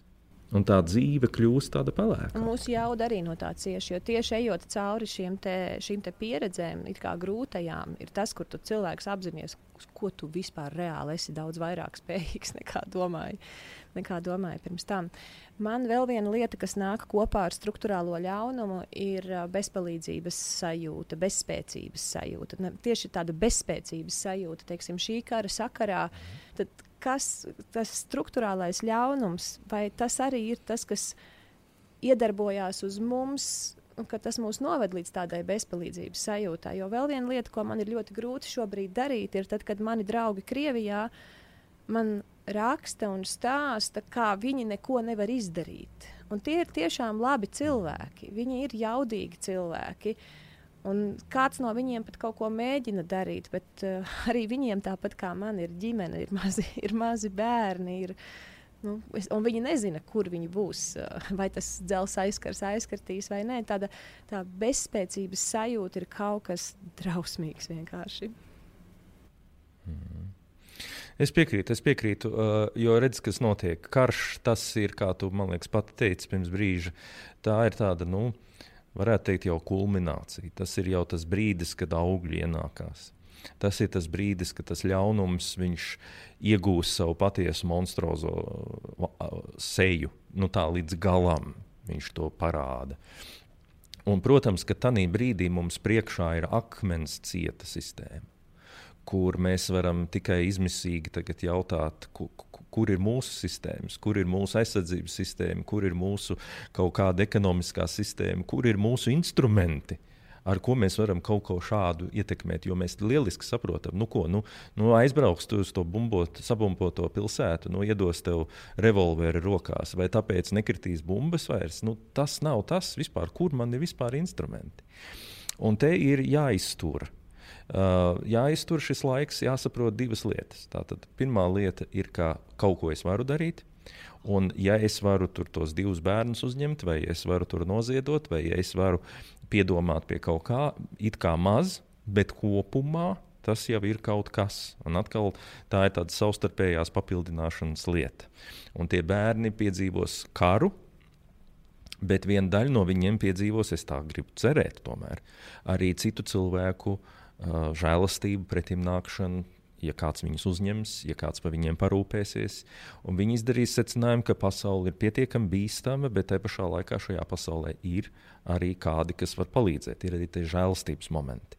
Un psiholoģiski tas ir ārkārtīgi svarīgi. Līdz ar to katrs šāds bērns, kas piedzīvo no mums žēlastību, kas piedzīvo to, ka, teiksim, nezinu, izkāpjot no autobusa, kāds tur viņam iedod rotaļlietu vai kādu garšīgu suliņu, sīkums, un tomēr es esmu gaidīts. Nav tā, ka pasaulē tikai spridzina, ir arī cilvēki, kas palīdz. Un iespējams, ka daudziem no viņiem uh, tas ir ļoti eksistenciāls moments, kad tu to mīlestību kaut nedaudz piedzīvo, tad līdz ar to tu vari kaut kā tam briesmām vispār tikt pāri. Līdz ar to darīt visu kaut ko vajag, bet tas, kas man, piemēram, ļoti uztrauc šajā situācijā, ir, ka, diemžēl, uh, tas ir ilgtermiņa jautājums. Un mums ir milzīgs risks, tad, kad nu, bumbas krīt, tad mēs tā kā baigi sarosimies. Kā tu tur teici, uz divām nedēļām vai kaut vai uz pusgadu mēs sarosimies. Ja? Nu, mēs tagad, nē, nu, tagad tiešām, nu, tagad mēs kaut ko darīsim. Ja? Bet tas viss ir cīņa sakām. Un, eh, un savukārt tā pa īstam sarosīties, ka es darīšu visu iespējamo, lai nekad Latvijā neveidotos autoritāri režīmi. Lai nekad nebūtu tā, ka kāds vienkārši klusē par to, kas notiek. Ja? Jo, piedošana, nu, cik daudz no Latvijas iedzīvotājiem, piemēram, sekoja līdzi tam, kas notiek Ukrajinā? Vai mēs zinām, kādas tur viņiem bija politiskās peripētīs? Nu, neko mēs tur nezinām. Nu, viņi tur dzīvoja, kamēr tas viss vienkārši uzsprāgst. Uh, vai, piemēram, tajā pašā Krievijā. Nu, labi, nu, tur mēs varbūt vairāk sekojam, bet arī jau nu, virspusējā līmenī. Bet uh, kas ir tas, ko es varu reāli darīt, lai to, lai to sistēmu ne, mainītu? Tas ir tāds milzīgs izaicinājums, jo tas ir ilgtermiņa jautājums. Tas ir jautājums par to, kā mums stiprināt mūsu pašu kaut kādu demokrātiju un tā tālāk. Un nezinu, kā tev, bet uh, man aizvadītie divi gadi liecina, ka vai, vai, vai cik īstenībā trausla ir arī tā mūsu sabiedrība, kas it kā ir ļoti attīstīta un demokrātiska un tā tālāk. Tur netrūkst uh, neizpratnes, tur netrūkst uh, balsis, kuras īstenībā varbūt pat labu gribēdamas, īstenībā grauj kaut kādā ziņā. Tieši to pamatu, kādēļ mēs vispār, vispār varam šausmināties par šo notikumu. Ja? Jo Mēs jau šausminamies par to karu, tāpēc, ka mēs skatāmies uz to no mazliet citas perspektīvas. Ja? Kāds cits teikt, nē, nu, tas ir kā pasaulē notiek. Nu, ko? Bija tādi laiki, kad karot tas bija pilnīgi normāli. Nu, ko stiprākais uzvar? Nu, tā jau tas notiek. Nu, ko tur daudz pārdzīvot? Ja? Bet mēs tā kā saprotam, ka tas nav pareizi. Ja?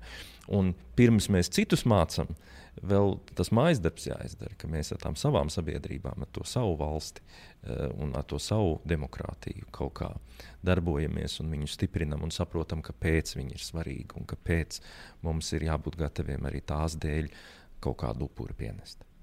Tāpēc man liekas, piemēram, ļoti interesants moments, ka jā, ir labi ziedot uh, Ukrainai uh, un ziedot, nezinu, Ukraiņas militāristiem, lai viņi var pretoties un lai viņi var cīnīties par mums visiem.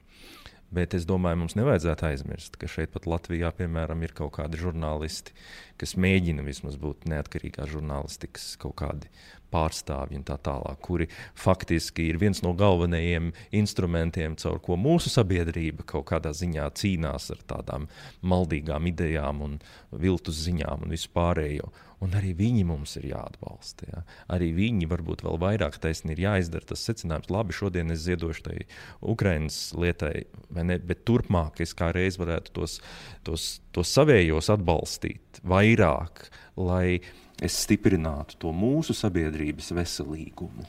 Tad, ja es piedzīvoju šādu debilizējošu bezspēcības sajūtu, kas attiecās uz karu, tad uh, otra vieta, uz ko es skatos, ir, kur man nav bezspēcības sajūtas, bet es uzvedos it kā es esmu bezspēcīga. Varbūt es pat nesasaistu to kopā ar bezspēcību, bet ja es nerīkojos, lai kaut ko mainītu savā valstī, vai savā apkārtnē, savā vidē, tad tas, tas, tās ir tās tā ļaunuma sēkliņas. Nu, sanāk tāda falša uh, bezspēcības sajūta vai sajūta, ka, ai, nu kāda tad nozīme, vai es to daru vai nedaru. Tas ir tās sēkliņas, kas pēc tam pārvēršas tajā izaugušajā struktūrālajā ļaunumā.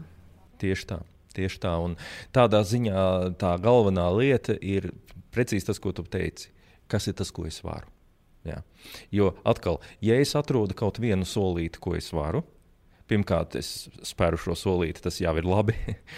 Bet otrkārt, tas iedod man šo sajūtu. Tas mani velk laukā no tā eh, pasivitātes stāvokļa, kurā es vienkārši saku, nu, ziniet, pat cik es nevaru divās nedēļās nomainīt visu pasaules kārtību, tad, tad, tad es padošos viņai. Nu, tā patiesība ir kaut kur pa vidu. Jā, tu viņu nevari nomainīt divās nedēļās. Bet tajā pašā laikā nav arī tā, ka tu neko nevari darīt. Ja? Un tā sistēmiskā domāšana, ko mēs daudzreiz pieminam, viņa paredz tieši to, ka tu saproti, ka ja es darbināšu to, ko es varu darbināt, tur, kur es esmu, tad tam būs atkal tālāki efekti.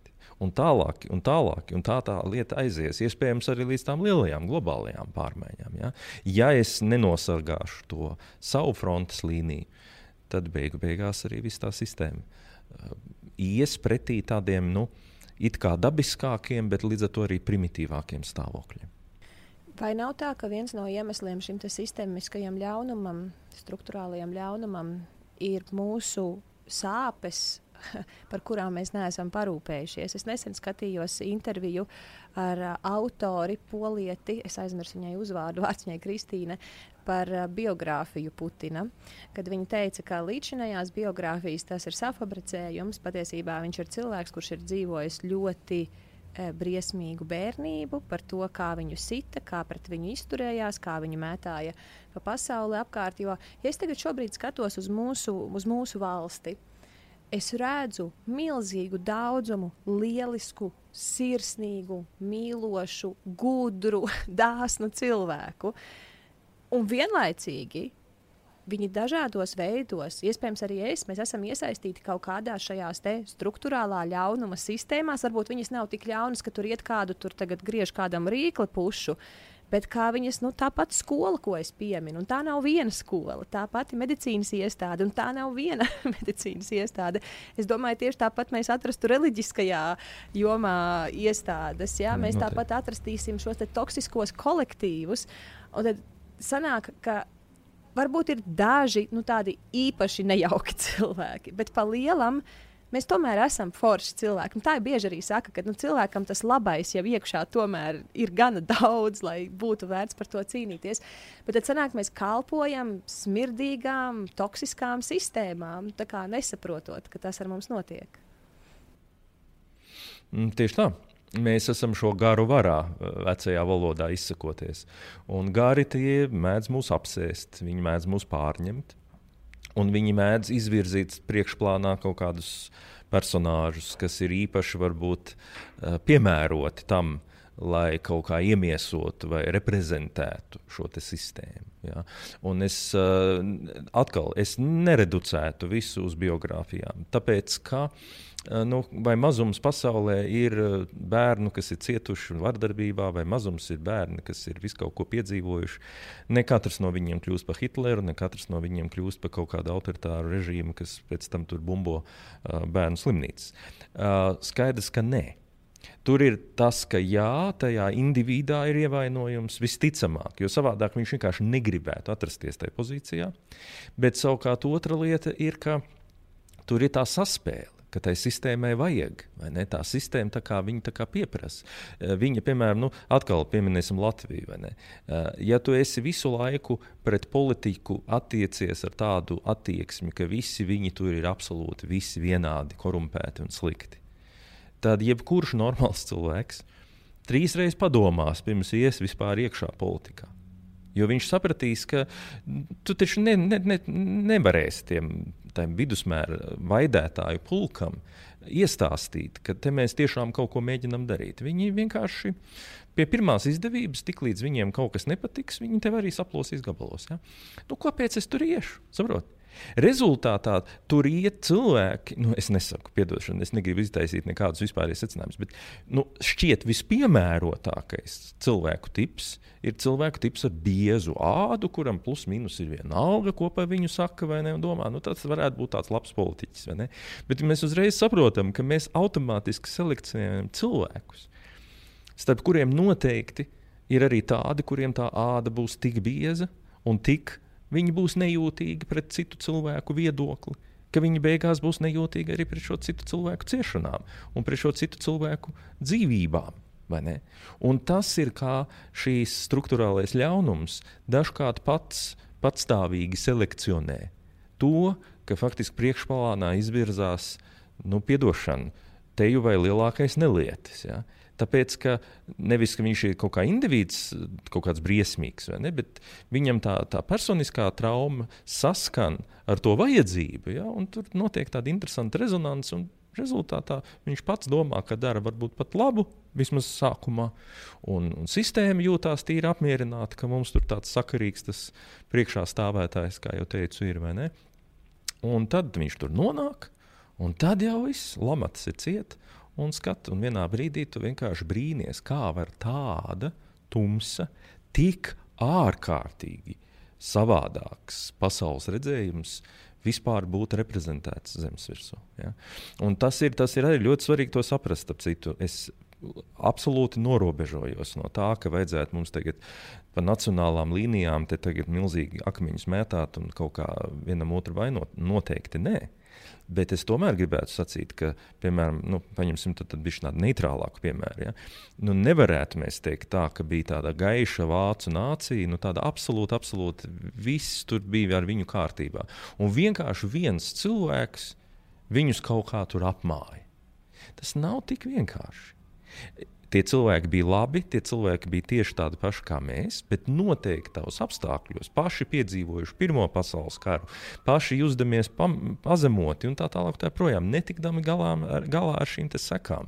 Viņi pakāpeniski ilgojās dabūt kaut ko, kas ļaus viņiem it kā to nacionālo kaut kādu varbūt sajūtu atjaunot.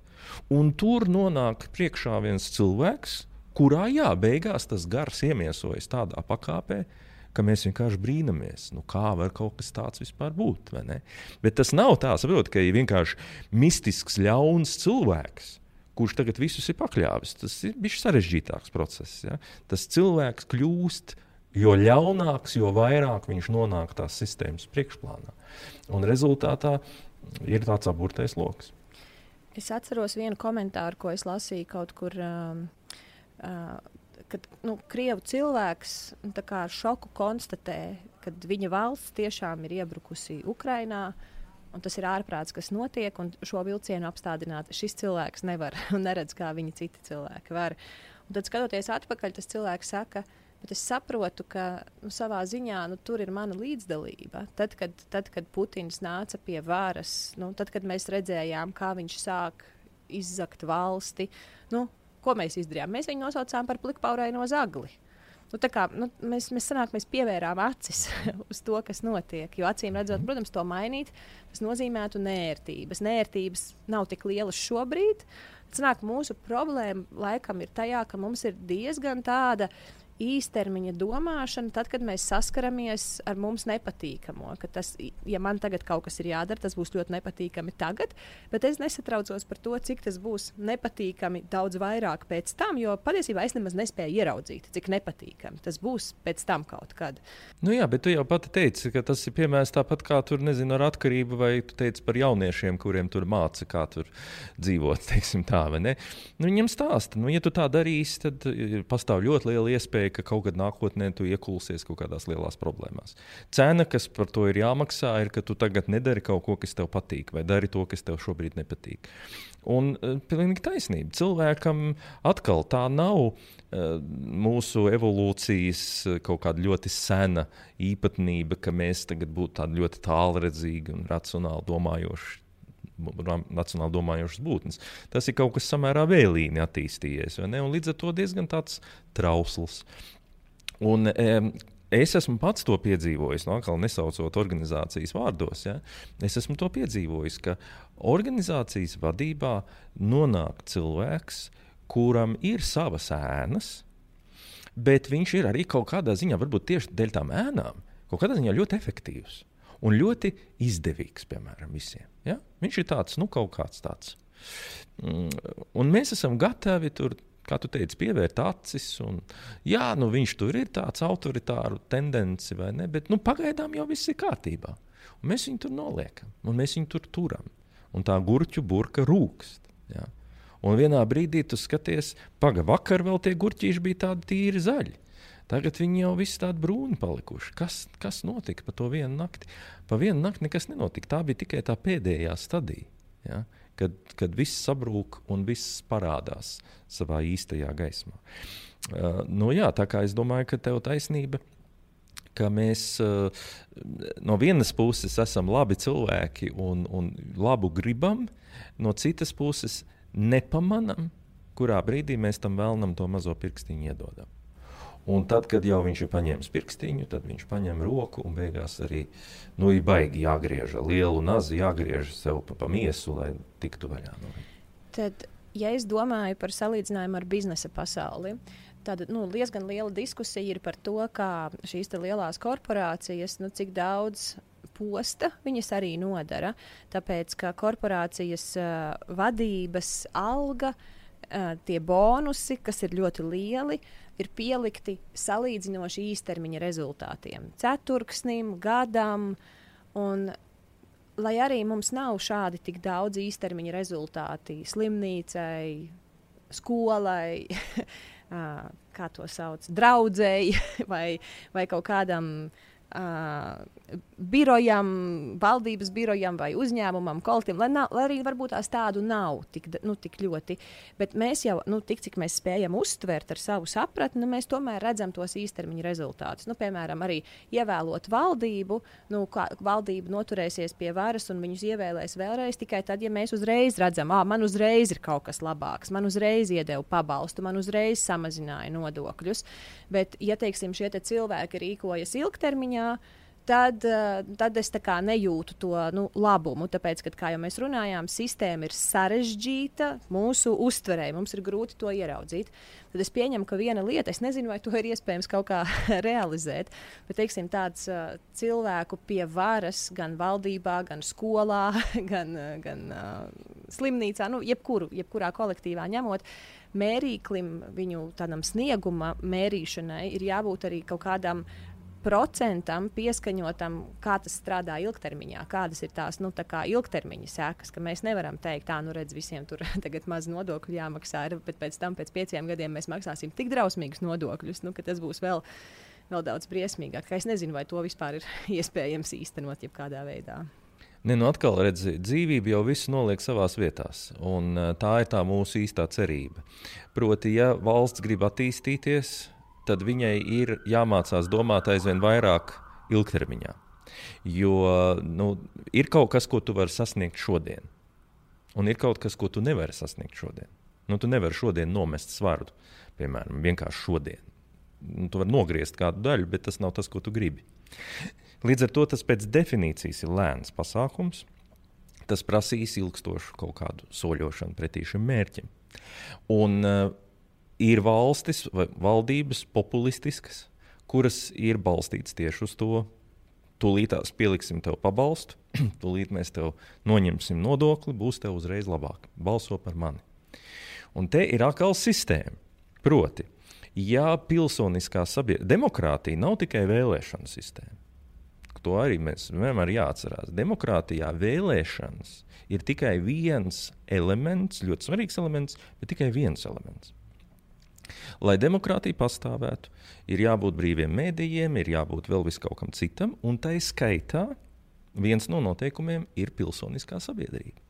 Tā tad, respektīvi, tas, ko es teicu, ja es nevaru rēķināties ar to, ka sabiedrībā būs pietiekami daudz cilvēku, kuri sapratīs manu šķietami nepopulāro, bet īstenībā ilgtermiņā vajadzīgo lēmumu, tad ilgtermiņa politika nav iespējama. Un līdz ar to, saprotiet, te ir tas stāsts, ka principā akal, tas ir mūsu kā sabiedrības locekļu galvenais uzdevums. Kopt sevī, izkopt sevī arī to, ko mēs pasūtām saviem politiķiem. Kas ir mūsu pasūtījums viņiem? Viens ir, ko viņi mums piedāvā. Pirms vēlēšanām katrs saraksta tur kaut kādus beigos punktus, ja, ko viņš mums piedāvā. Man to nevajag. Man vajag tādu partiju, kur izdarītu to, to, to un to. Un tā būs tā nākotnes politika, uz ko mēs visi būsim spiesti virzīties. Proti, ka politiķi, politiķi ir vairāk vai mazāk izpildītāji, kuri izpilda to, kas ir tas sociālais pasūtījums. Un tas pasūtījums ir jāveido mums. Mēs saprotam, mums vajag, teiksim, lai jūs apkarojat korupciju, nevis kaut kādā tur, nezinu, tur izrādīšanās veidā, bet nu, pēc būtības. Tā tālāk. Kas ir tas, ko mēs gribam? Mēs gribam, nezinu, virzīties prom no atkarības no kaut kādām enerģijas lietām un tā tālāk. Kas ir mūsu pasūtījums? Un šeit atkal, jo attīstītāka, izglītotāka, zinošāka ir sabiedrība, jo normālāka var būt arī valsts politika demokrātijas apstākļos. Es tagad vienkārši domāju, iespējams, ka mūsu sarunu klausās cilvēks, kurš arī pie sevis jūt, jā, man neder tā sistēma, kurā es esmu šobrīd. Es tiešām gribu to sistēmu uzlabot, bet, nu, baigi vientuļi man te ir. Es, es gribu ar Indulu kaut ko sarunāt. es gribu Jā. satikt tos citus, uh, tos citus uh, kuri arī ir tajās sistēmās, kur arī grib mainīt. Jo nu, mums, reku, Induls ar Lauru teica, vajag, vajag to kopienas sajūtu, nu, vajag to plecu, vajag tās iespējas, lai man ir tas, tas spēks. Drīkst pie tevis viņi pieteikties, tie cilvēki. Uh, viņi drīkst pie manis pieteikties, bet es būtu priecīgs, ka mēs uh, arī ar tevi tā skaitā, un arī ar visiem tiem, kas mūs dzirdēja, ka mēs patiešām, nu, kā lai saka, katrs piedomātu pie tā, kā mēs varam tās horizontālās saites savā starpā arī uzturēt un veidot. Noteikti, noteikti, protams, var to darīt, un es būšu spiests līdz ar to domāt, ko, ko iesākt ar šādiem kontaktiem. Jo tas jau nav stāsts, ka es parunājos ar kādu. Tas patiesībā ir stāsts par to, ka caur kaut kādiem mezglu punktiem mēs atrodam tos citus cilvēkus, kuri arī grib šo kontaktu. Un mēs dodam telpu, mēs dodam iespēju viņiem kaut kā vienam otru just. Un es domāju, ka šeit atkal modernās tehnoloģijas var mums ļoti palīdzēt. Bet tas, protams, ir tāds stāsts arī par to, ka kādam varbūt ir jāsajūt to kā tādu savu misiju, tieši to trauku veidot, kurā tas cits gars var uh, parādīties. Ja? Un izrādīties, vai starp citu, starp citu tas arī ļoti, ļoti, ļoti interesanti. Piedošana atkal reliģiskais stāsts. Ideja tāda, Jēzus, mēs lasām evaņģēlijos, viņš gāja apkārt un viņš savus mācekļus mēdza aicināt. Nu, tur viena tur mazgā tīklus, viņš saka, nāc man līdzi, cits tur muitas būdā sēž, viņš saka, nāc man līdzi. Un mēs tā lasām, un mēs domājam, nu, baigi interesanti, viņš tur tā kaut kā. Bet es tā esmu kādreiz domājis, ko tas nozīmē reāli. Ir? Ka acīm redzot, viņš ir sabiedrībā, un pēc kaut kādām sev zināmām nojausmām viņš saprot, te ir kāds, te ir kāds, te ir kāds, kuru man jāsaliek kopā, kurš man ir jāaicina. Un tad tur mūsu starpā var kaut kas veidoties un sanākt. Un es gribētu to teikt, ir, ka es domāju, ka Latvijā ir ļoti, ļoti daudz cilvēku, kuriem īstenībā ir milzīgs potenciāls. Viena daļa ir tie, kas teiks, es gribu sazināties ar Indulu vai Lauru un saprast, kā es varu teiksim, kaut ko darīt Latvijas labā. Viena cita daļa būs, teiks, nu, es jau neko, nu, kā, saprot, viņiem būs tik daudz tā pazemība, kaut kāda vai tāda nu, realistiskuma komponenta, ka viņi teiks, nu, ko tad es tur zinu, kā vai ne. Bet tos būtu kā reiz jāiedrošina un jāsaklausies, to vari. Tā kā tas ir tāds nu, viss mūsu kopējā atbildība. Nu, ko tad mēs tagad darīsim? Mēs taisīsim kaut kādu anketu, kur cilvēki var pieteikties, un tad pēc kaut kāda mēs apskatīsimies, kas tur ir. Mēs apsolīsim, ka tas paliks tikai starp tevi un mani, ka neviens cits to anketu neredzēs. Tad mēs aizsūtīsim viņiem kaut kādu uzaicinājumu, kaut vai uz Zoom sarunu, kur katrs var izstāstīt sev aktuālo, vai tev ir varbūt kāds ideja. Es domāju, tas ir brīnišķīgs priekšlikums. Tas ir brīnišķīgs sākotnējais priekšlikums. Un es domāju, ka tieši tā arī mēs varam darīt un apņemties savā starpā un, un tiešām apvienot šos spēkus. Jo atkal mums pat sapņos nerādās, kas no tā visa var izaugt un izveidoties. Tas svarīgais ir, um, tas svarīgais ir gribēt to darīt un būt zināmā skaidrībā un zināmā vienprātībā par pašiem bāziskākajiem principiem.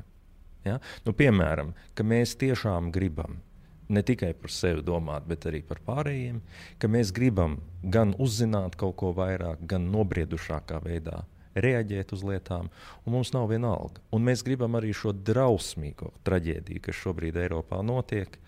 Mēs gribam viņu nevis tagad vienkārši pašausmināties un atpirkties ar vienu ziedojumu vai diviem, bet mēs gribam saprast, ka tas ir baisais signāls ka, ja mēs nestrādāsim, ja mēs nedarbosimies, tad mēs varam nonākt turpat un vēl sliktākā situācijā. Jā, es piekrītu, un man liekas, ka šis ir labs treniņu laiks, tāpēc ka viena liela, milzīga problēma, kas mums būs jārisina vēl noteikti tavā un manā dzīves laikā, ir arī klimata izmaiņas. Uh, Un redzot to, kā cilvēki visā pasaulē, nu nevis visā, bet lielā daļā pasaules, pilnīgi noteikti Eiropā, gāja šajās demonstrācijās, rīkojās, izdarīja spiedienu, um, es paliku mazliet cerīgāka nekā es biju pirms tam, jo šīs klimata pārmaiņu prognozes ir ļoti drūmas. Un, labāk mēs to sākam darīt tagad, organizēties un sap, nu, izjust to savu varēšanu, jo to tiešām reāli vajadzēs ļoti globālā, ļoti lielā, ļoti lielā līmenī. Un jo labāk mūsu sistēma iekšēji darbojas, jo, jo noderīgāki mēs būsim tur. Eh, tas, ko es redzu nākotnē, es izvēlos redzēt nākotnē izglītības iestādes visiem vecumiem, sākot ar bērniem bērnu dārzā, beidzot ar izglītību, mūža izglītību, pieaugušajiem, tāpat iekļaujot universitātes, visādas dažādas mācību iestādes, kas tiešām kalpo tā cilvēka potenciālā atvēršanai un tā cilvēkam tādu rīku iedošanai, kur viņš arī strādā, lai pašam labi un citiem labi ir. Nu, tā kā tādiem drosmīgiem un, un drosmīgu un gudru cilvēku izaugsmas veicināšanā. Es redzu uh, medicīnas iestādes, kur, kur uh, centrā ir cilvēka veselība, ir visas sabiedrības veselība. Es redzu reliģiskās uh, organizācijas, kas arī, nu, kad primāri centrā ir nu, tas, tas cilvēks un viņa vēseles izaugsme. Droši vien tu varētu papildināt, kam tur vēl visam ir ir jābūt. Es redzu valdību, es redzu pašvaldības, kas ir orientētas tiešām uz to, lai ir dzīves kvalitāte tajā valstī, tajā pašvaldībā, tajā, tajā apgabalā. Es redzu uzņēmumus, kurus, kur ir nevis tādas toksiskas kultūras varā, bet izaugsmes un tādu, nu, nu, foršu, foršu attiecību un produktīva darba. Uh, tad, tad, tas kodols viņiem ir. Bet, uh, lai, tas, lai tas varētu notikt, es ticu, ka tiem cilvēkiem, kuri jūt, nu, nav man šī sistēma ok, kas te ir, es, es gribu darīt, un es gribu satikt citus darītājus, tad uh, es ceru, ka mēs ar tevi sataisīsim to anketu, kur viņi var pieteikties. Es domāju, mums nav variantu. Paši esam iedzinuši sev mazliet stūrī. Bet es pilnīgi līdzdalu to tavu redzējumu. Es domāju, tas ir tāds, tas ir tāds labs redzējums, un ko es tikai gribētu vēl pielikt sevi, no sevis klāt. Ka es tiešām domāju, ka Latvijā ir ļoti daudz fantastiski foršu cilvēku. Un, um, ja mums izdotos tos garus pagaņot un tās, tās sistēmas pamainīt, tad mēs saprastu, ka tepat nav runa, ka ir kaut kāda gaismas ļaudis, iepratī kaut kādiem tumsas ļaudīm. Bet runa ir par to, ka, ka tiešām ir diemžēl iegājušās sistēmas, kurām ir jāmainās. Un kuras ja mēs viņus neizgaismojam, un ja mēs viņām neatrodam vājos punktus, kuros mēs varam viņus ietekmēt, viņas turpinās griezties un varbūt ne tai pareizajā virzienā. Tas ir tas stāsts. Jā. Un ik viens, kas jūt sevī šo nelielo iedvesmu, kaut vai sākotnējo, un šo nelielo, nelielo enerģijas pieplūdumu, ka šis man ir pamodinājis un es gribu kaut ko darīt, tas ir aicināts ķerties klāt, un es domāju, ka tas var būt pārsteidzoši ātri kļūt par kaut ko tiešām ļoti nozīmīgu. Mēs ar tevi gaidām tādus cilvēkus, kas saka, es esmu tas, kurš var šo koordinēt, es esmu tas, kurš var organizēt šo jauno trauku, jauno miesu, kur tam jaunajam garam nākt iekšā. Un vienlaicīgi, es domāju, Indra, mēs ar tevi nevienam neko nesolam. Mēs nesolam, ka šis pārvērtīsies par kustību. Mēs mēs atveram pirmās durvis. Cilvēki, jūs gribat ieraudzīt, kas ir tie citi cilvēki, kuriem arī ir vat, līdz kliņķim vienkārši noriebies kalpot. Ļaunai sistēmai vai tīzlai. Varbūt tā sistēma nav ļauna, bet viņa vienkārši ir tīzla, viņa ir bremzējoša, viņa ir nu, ne, ne, neefektīva gluži vienkārši. Gribu tādus cilvēkus, nezinu, satikt vai kaut vai redzēt. Ka viņi eksistē. Man jau tīri interesanti paliek, vai mēs ar tevi sapazīsimies ar trīs cilvēkiem, vai mēs ar tevi sapazīsimies ar 33 cilvēkiem. To tad mēs redzēsim. Tad mēs aprunāsimies, un tad mēs redzēsim, kas notiks tālāk. Pilnīgi precīzi. Pilnīgi precīzi. Galvenais ir tas sākums, un uh, pietiek ar trim. Kur divi vai trīs ir, tur tas gars var sākt veidoties. Jo var sākt veidoties šīs attiecības, var sākt veidoties tas, ka mēs mēģinām savā starpā kaut kā domāt un, un runāt par šīm lietām. Un, uh, redzi, vienmēr viens cilvēks redz vienu perspektīvu. Un, lai cik mēs tur būtu gudri un kompetenti, nu, mēs redzam vienu perspektīvu. Bet tad, kad mēs esam vairāk kopā, uzreiz arī tās acis ir vairākas. Mēs skatāmies uz to situāciju daudz kompleksāk, uh, jūtam viņu daudz kompleksāk, un tā jau tā miesa veidojās. Un, uh, es tiešām esmu tādā ziņā mazliet optimistisks, un es starp citu uzskatu ka mm, tā ir milzīga atbilde arī uz vienu no mūsu pirmajām sarunām. Atcerieties, mēs runājām par aicinājumu. Mēs runājam par to, cik svarīgi cilvēkam ir to jēgas sajūtu dabūt. No te ir tas stāsts. Varbūt, ka mēs tajā visā varam pat palīdzēt arī sev un arī citiem cilvēkiem kaut kādu jēgu, nu, ja ne visai dzīvei, tad vismaz kaut kādam dzīves posmam uh, ieraudzīt. Un tas ir tā vērts. Jā, taisnība.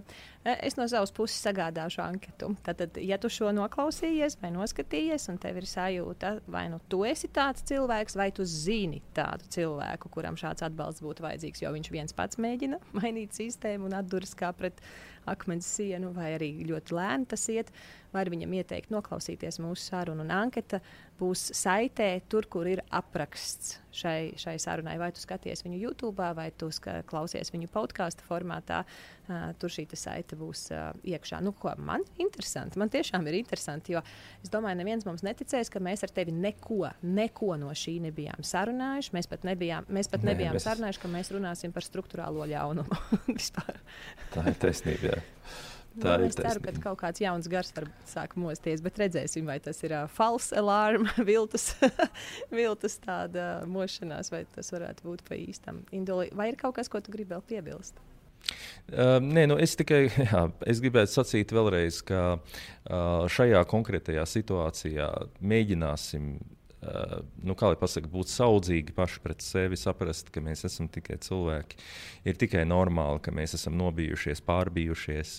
Ko mēs varam darīt, ir spērt šos mazos solīšus, lai pasargātu viens otru un lai paturētu to pašu svarīgāko, kas palīdz izdzīvot visās krīzēs, un tās ir šīs cilvēciskās attiecības. Tā kā es aicinātu mūs visus uh, mēģināt to savu stresu pārvērst kaut kādās konkrētās rīcībās, konkrētos solīšos, kur mēs atbalstam gan tos, kas šobrīd cieš. Gan, jā, varbūt aizpildām anketu vai kā savādāk iesaistamies tajā, lai mēs piedalītos pie tā, ka pasaule mainās. Kā minimums mums ar tevi pēc tam būs smieklīgs stāsts, kā mums nekas nesanāca un ko mēs no tā iemācījāmies. Tieši tā. Milzīgs tev paldies, Indula, par tavu laiku un spēju būt šajā sarunā. Paldies! īpaši paldies šīs intervijas tapšanā un iespējā, ka tā pie tevis nonāk labi drīz, ir Andim Arnicānam, kurš to tehnoloģiski nodrošināja. Tāpēc, kā ierobežojumu, kuru dēļ šī intervija nevarētu notikt, mums bija gana daudz. Ja tev ir tāda situācija, ka ir nepieciešams uh, komunicēt, izmantojot tehnoloģijas ar saviem klientiem, sadarbības partneriem, kolēģiem, uh, vai tavu auditoriju, kur var noderēt video, audio un dažādi tiešsaistes formāti, es ļoti iesaku sakontaktēt Andi, jo viņam ir vienkārši fenomenāls spējas atrast vislabākos risinājumus. Viņš vienmēr ir mans un mana vīra pirmais avots, pie kā mēs vēršamies, hei, kā mēs varam šo tehnisko lietu nokārtot.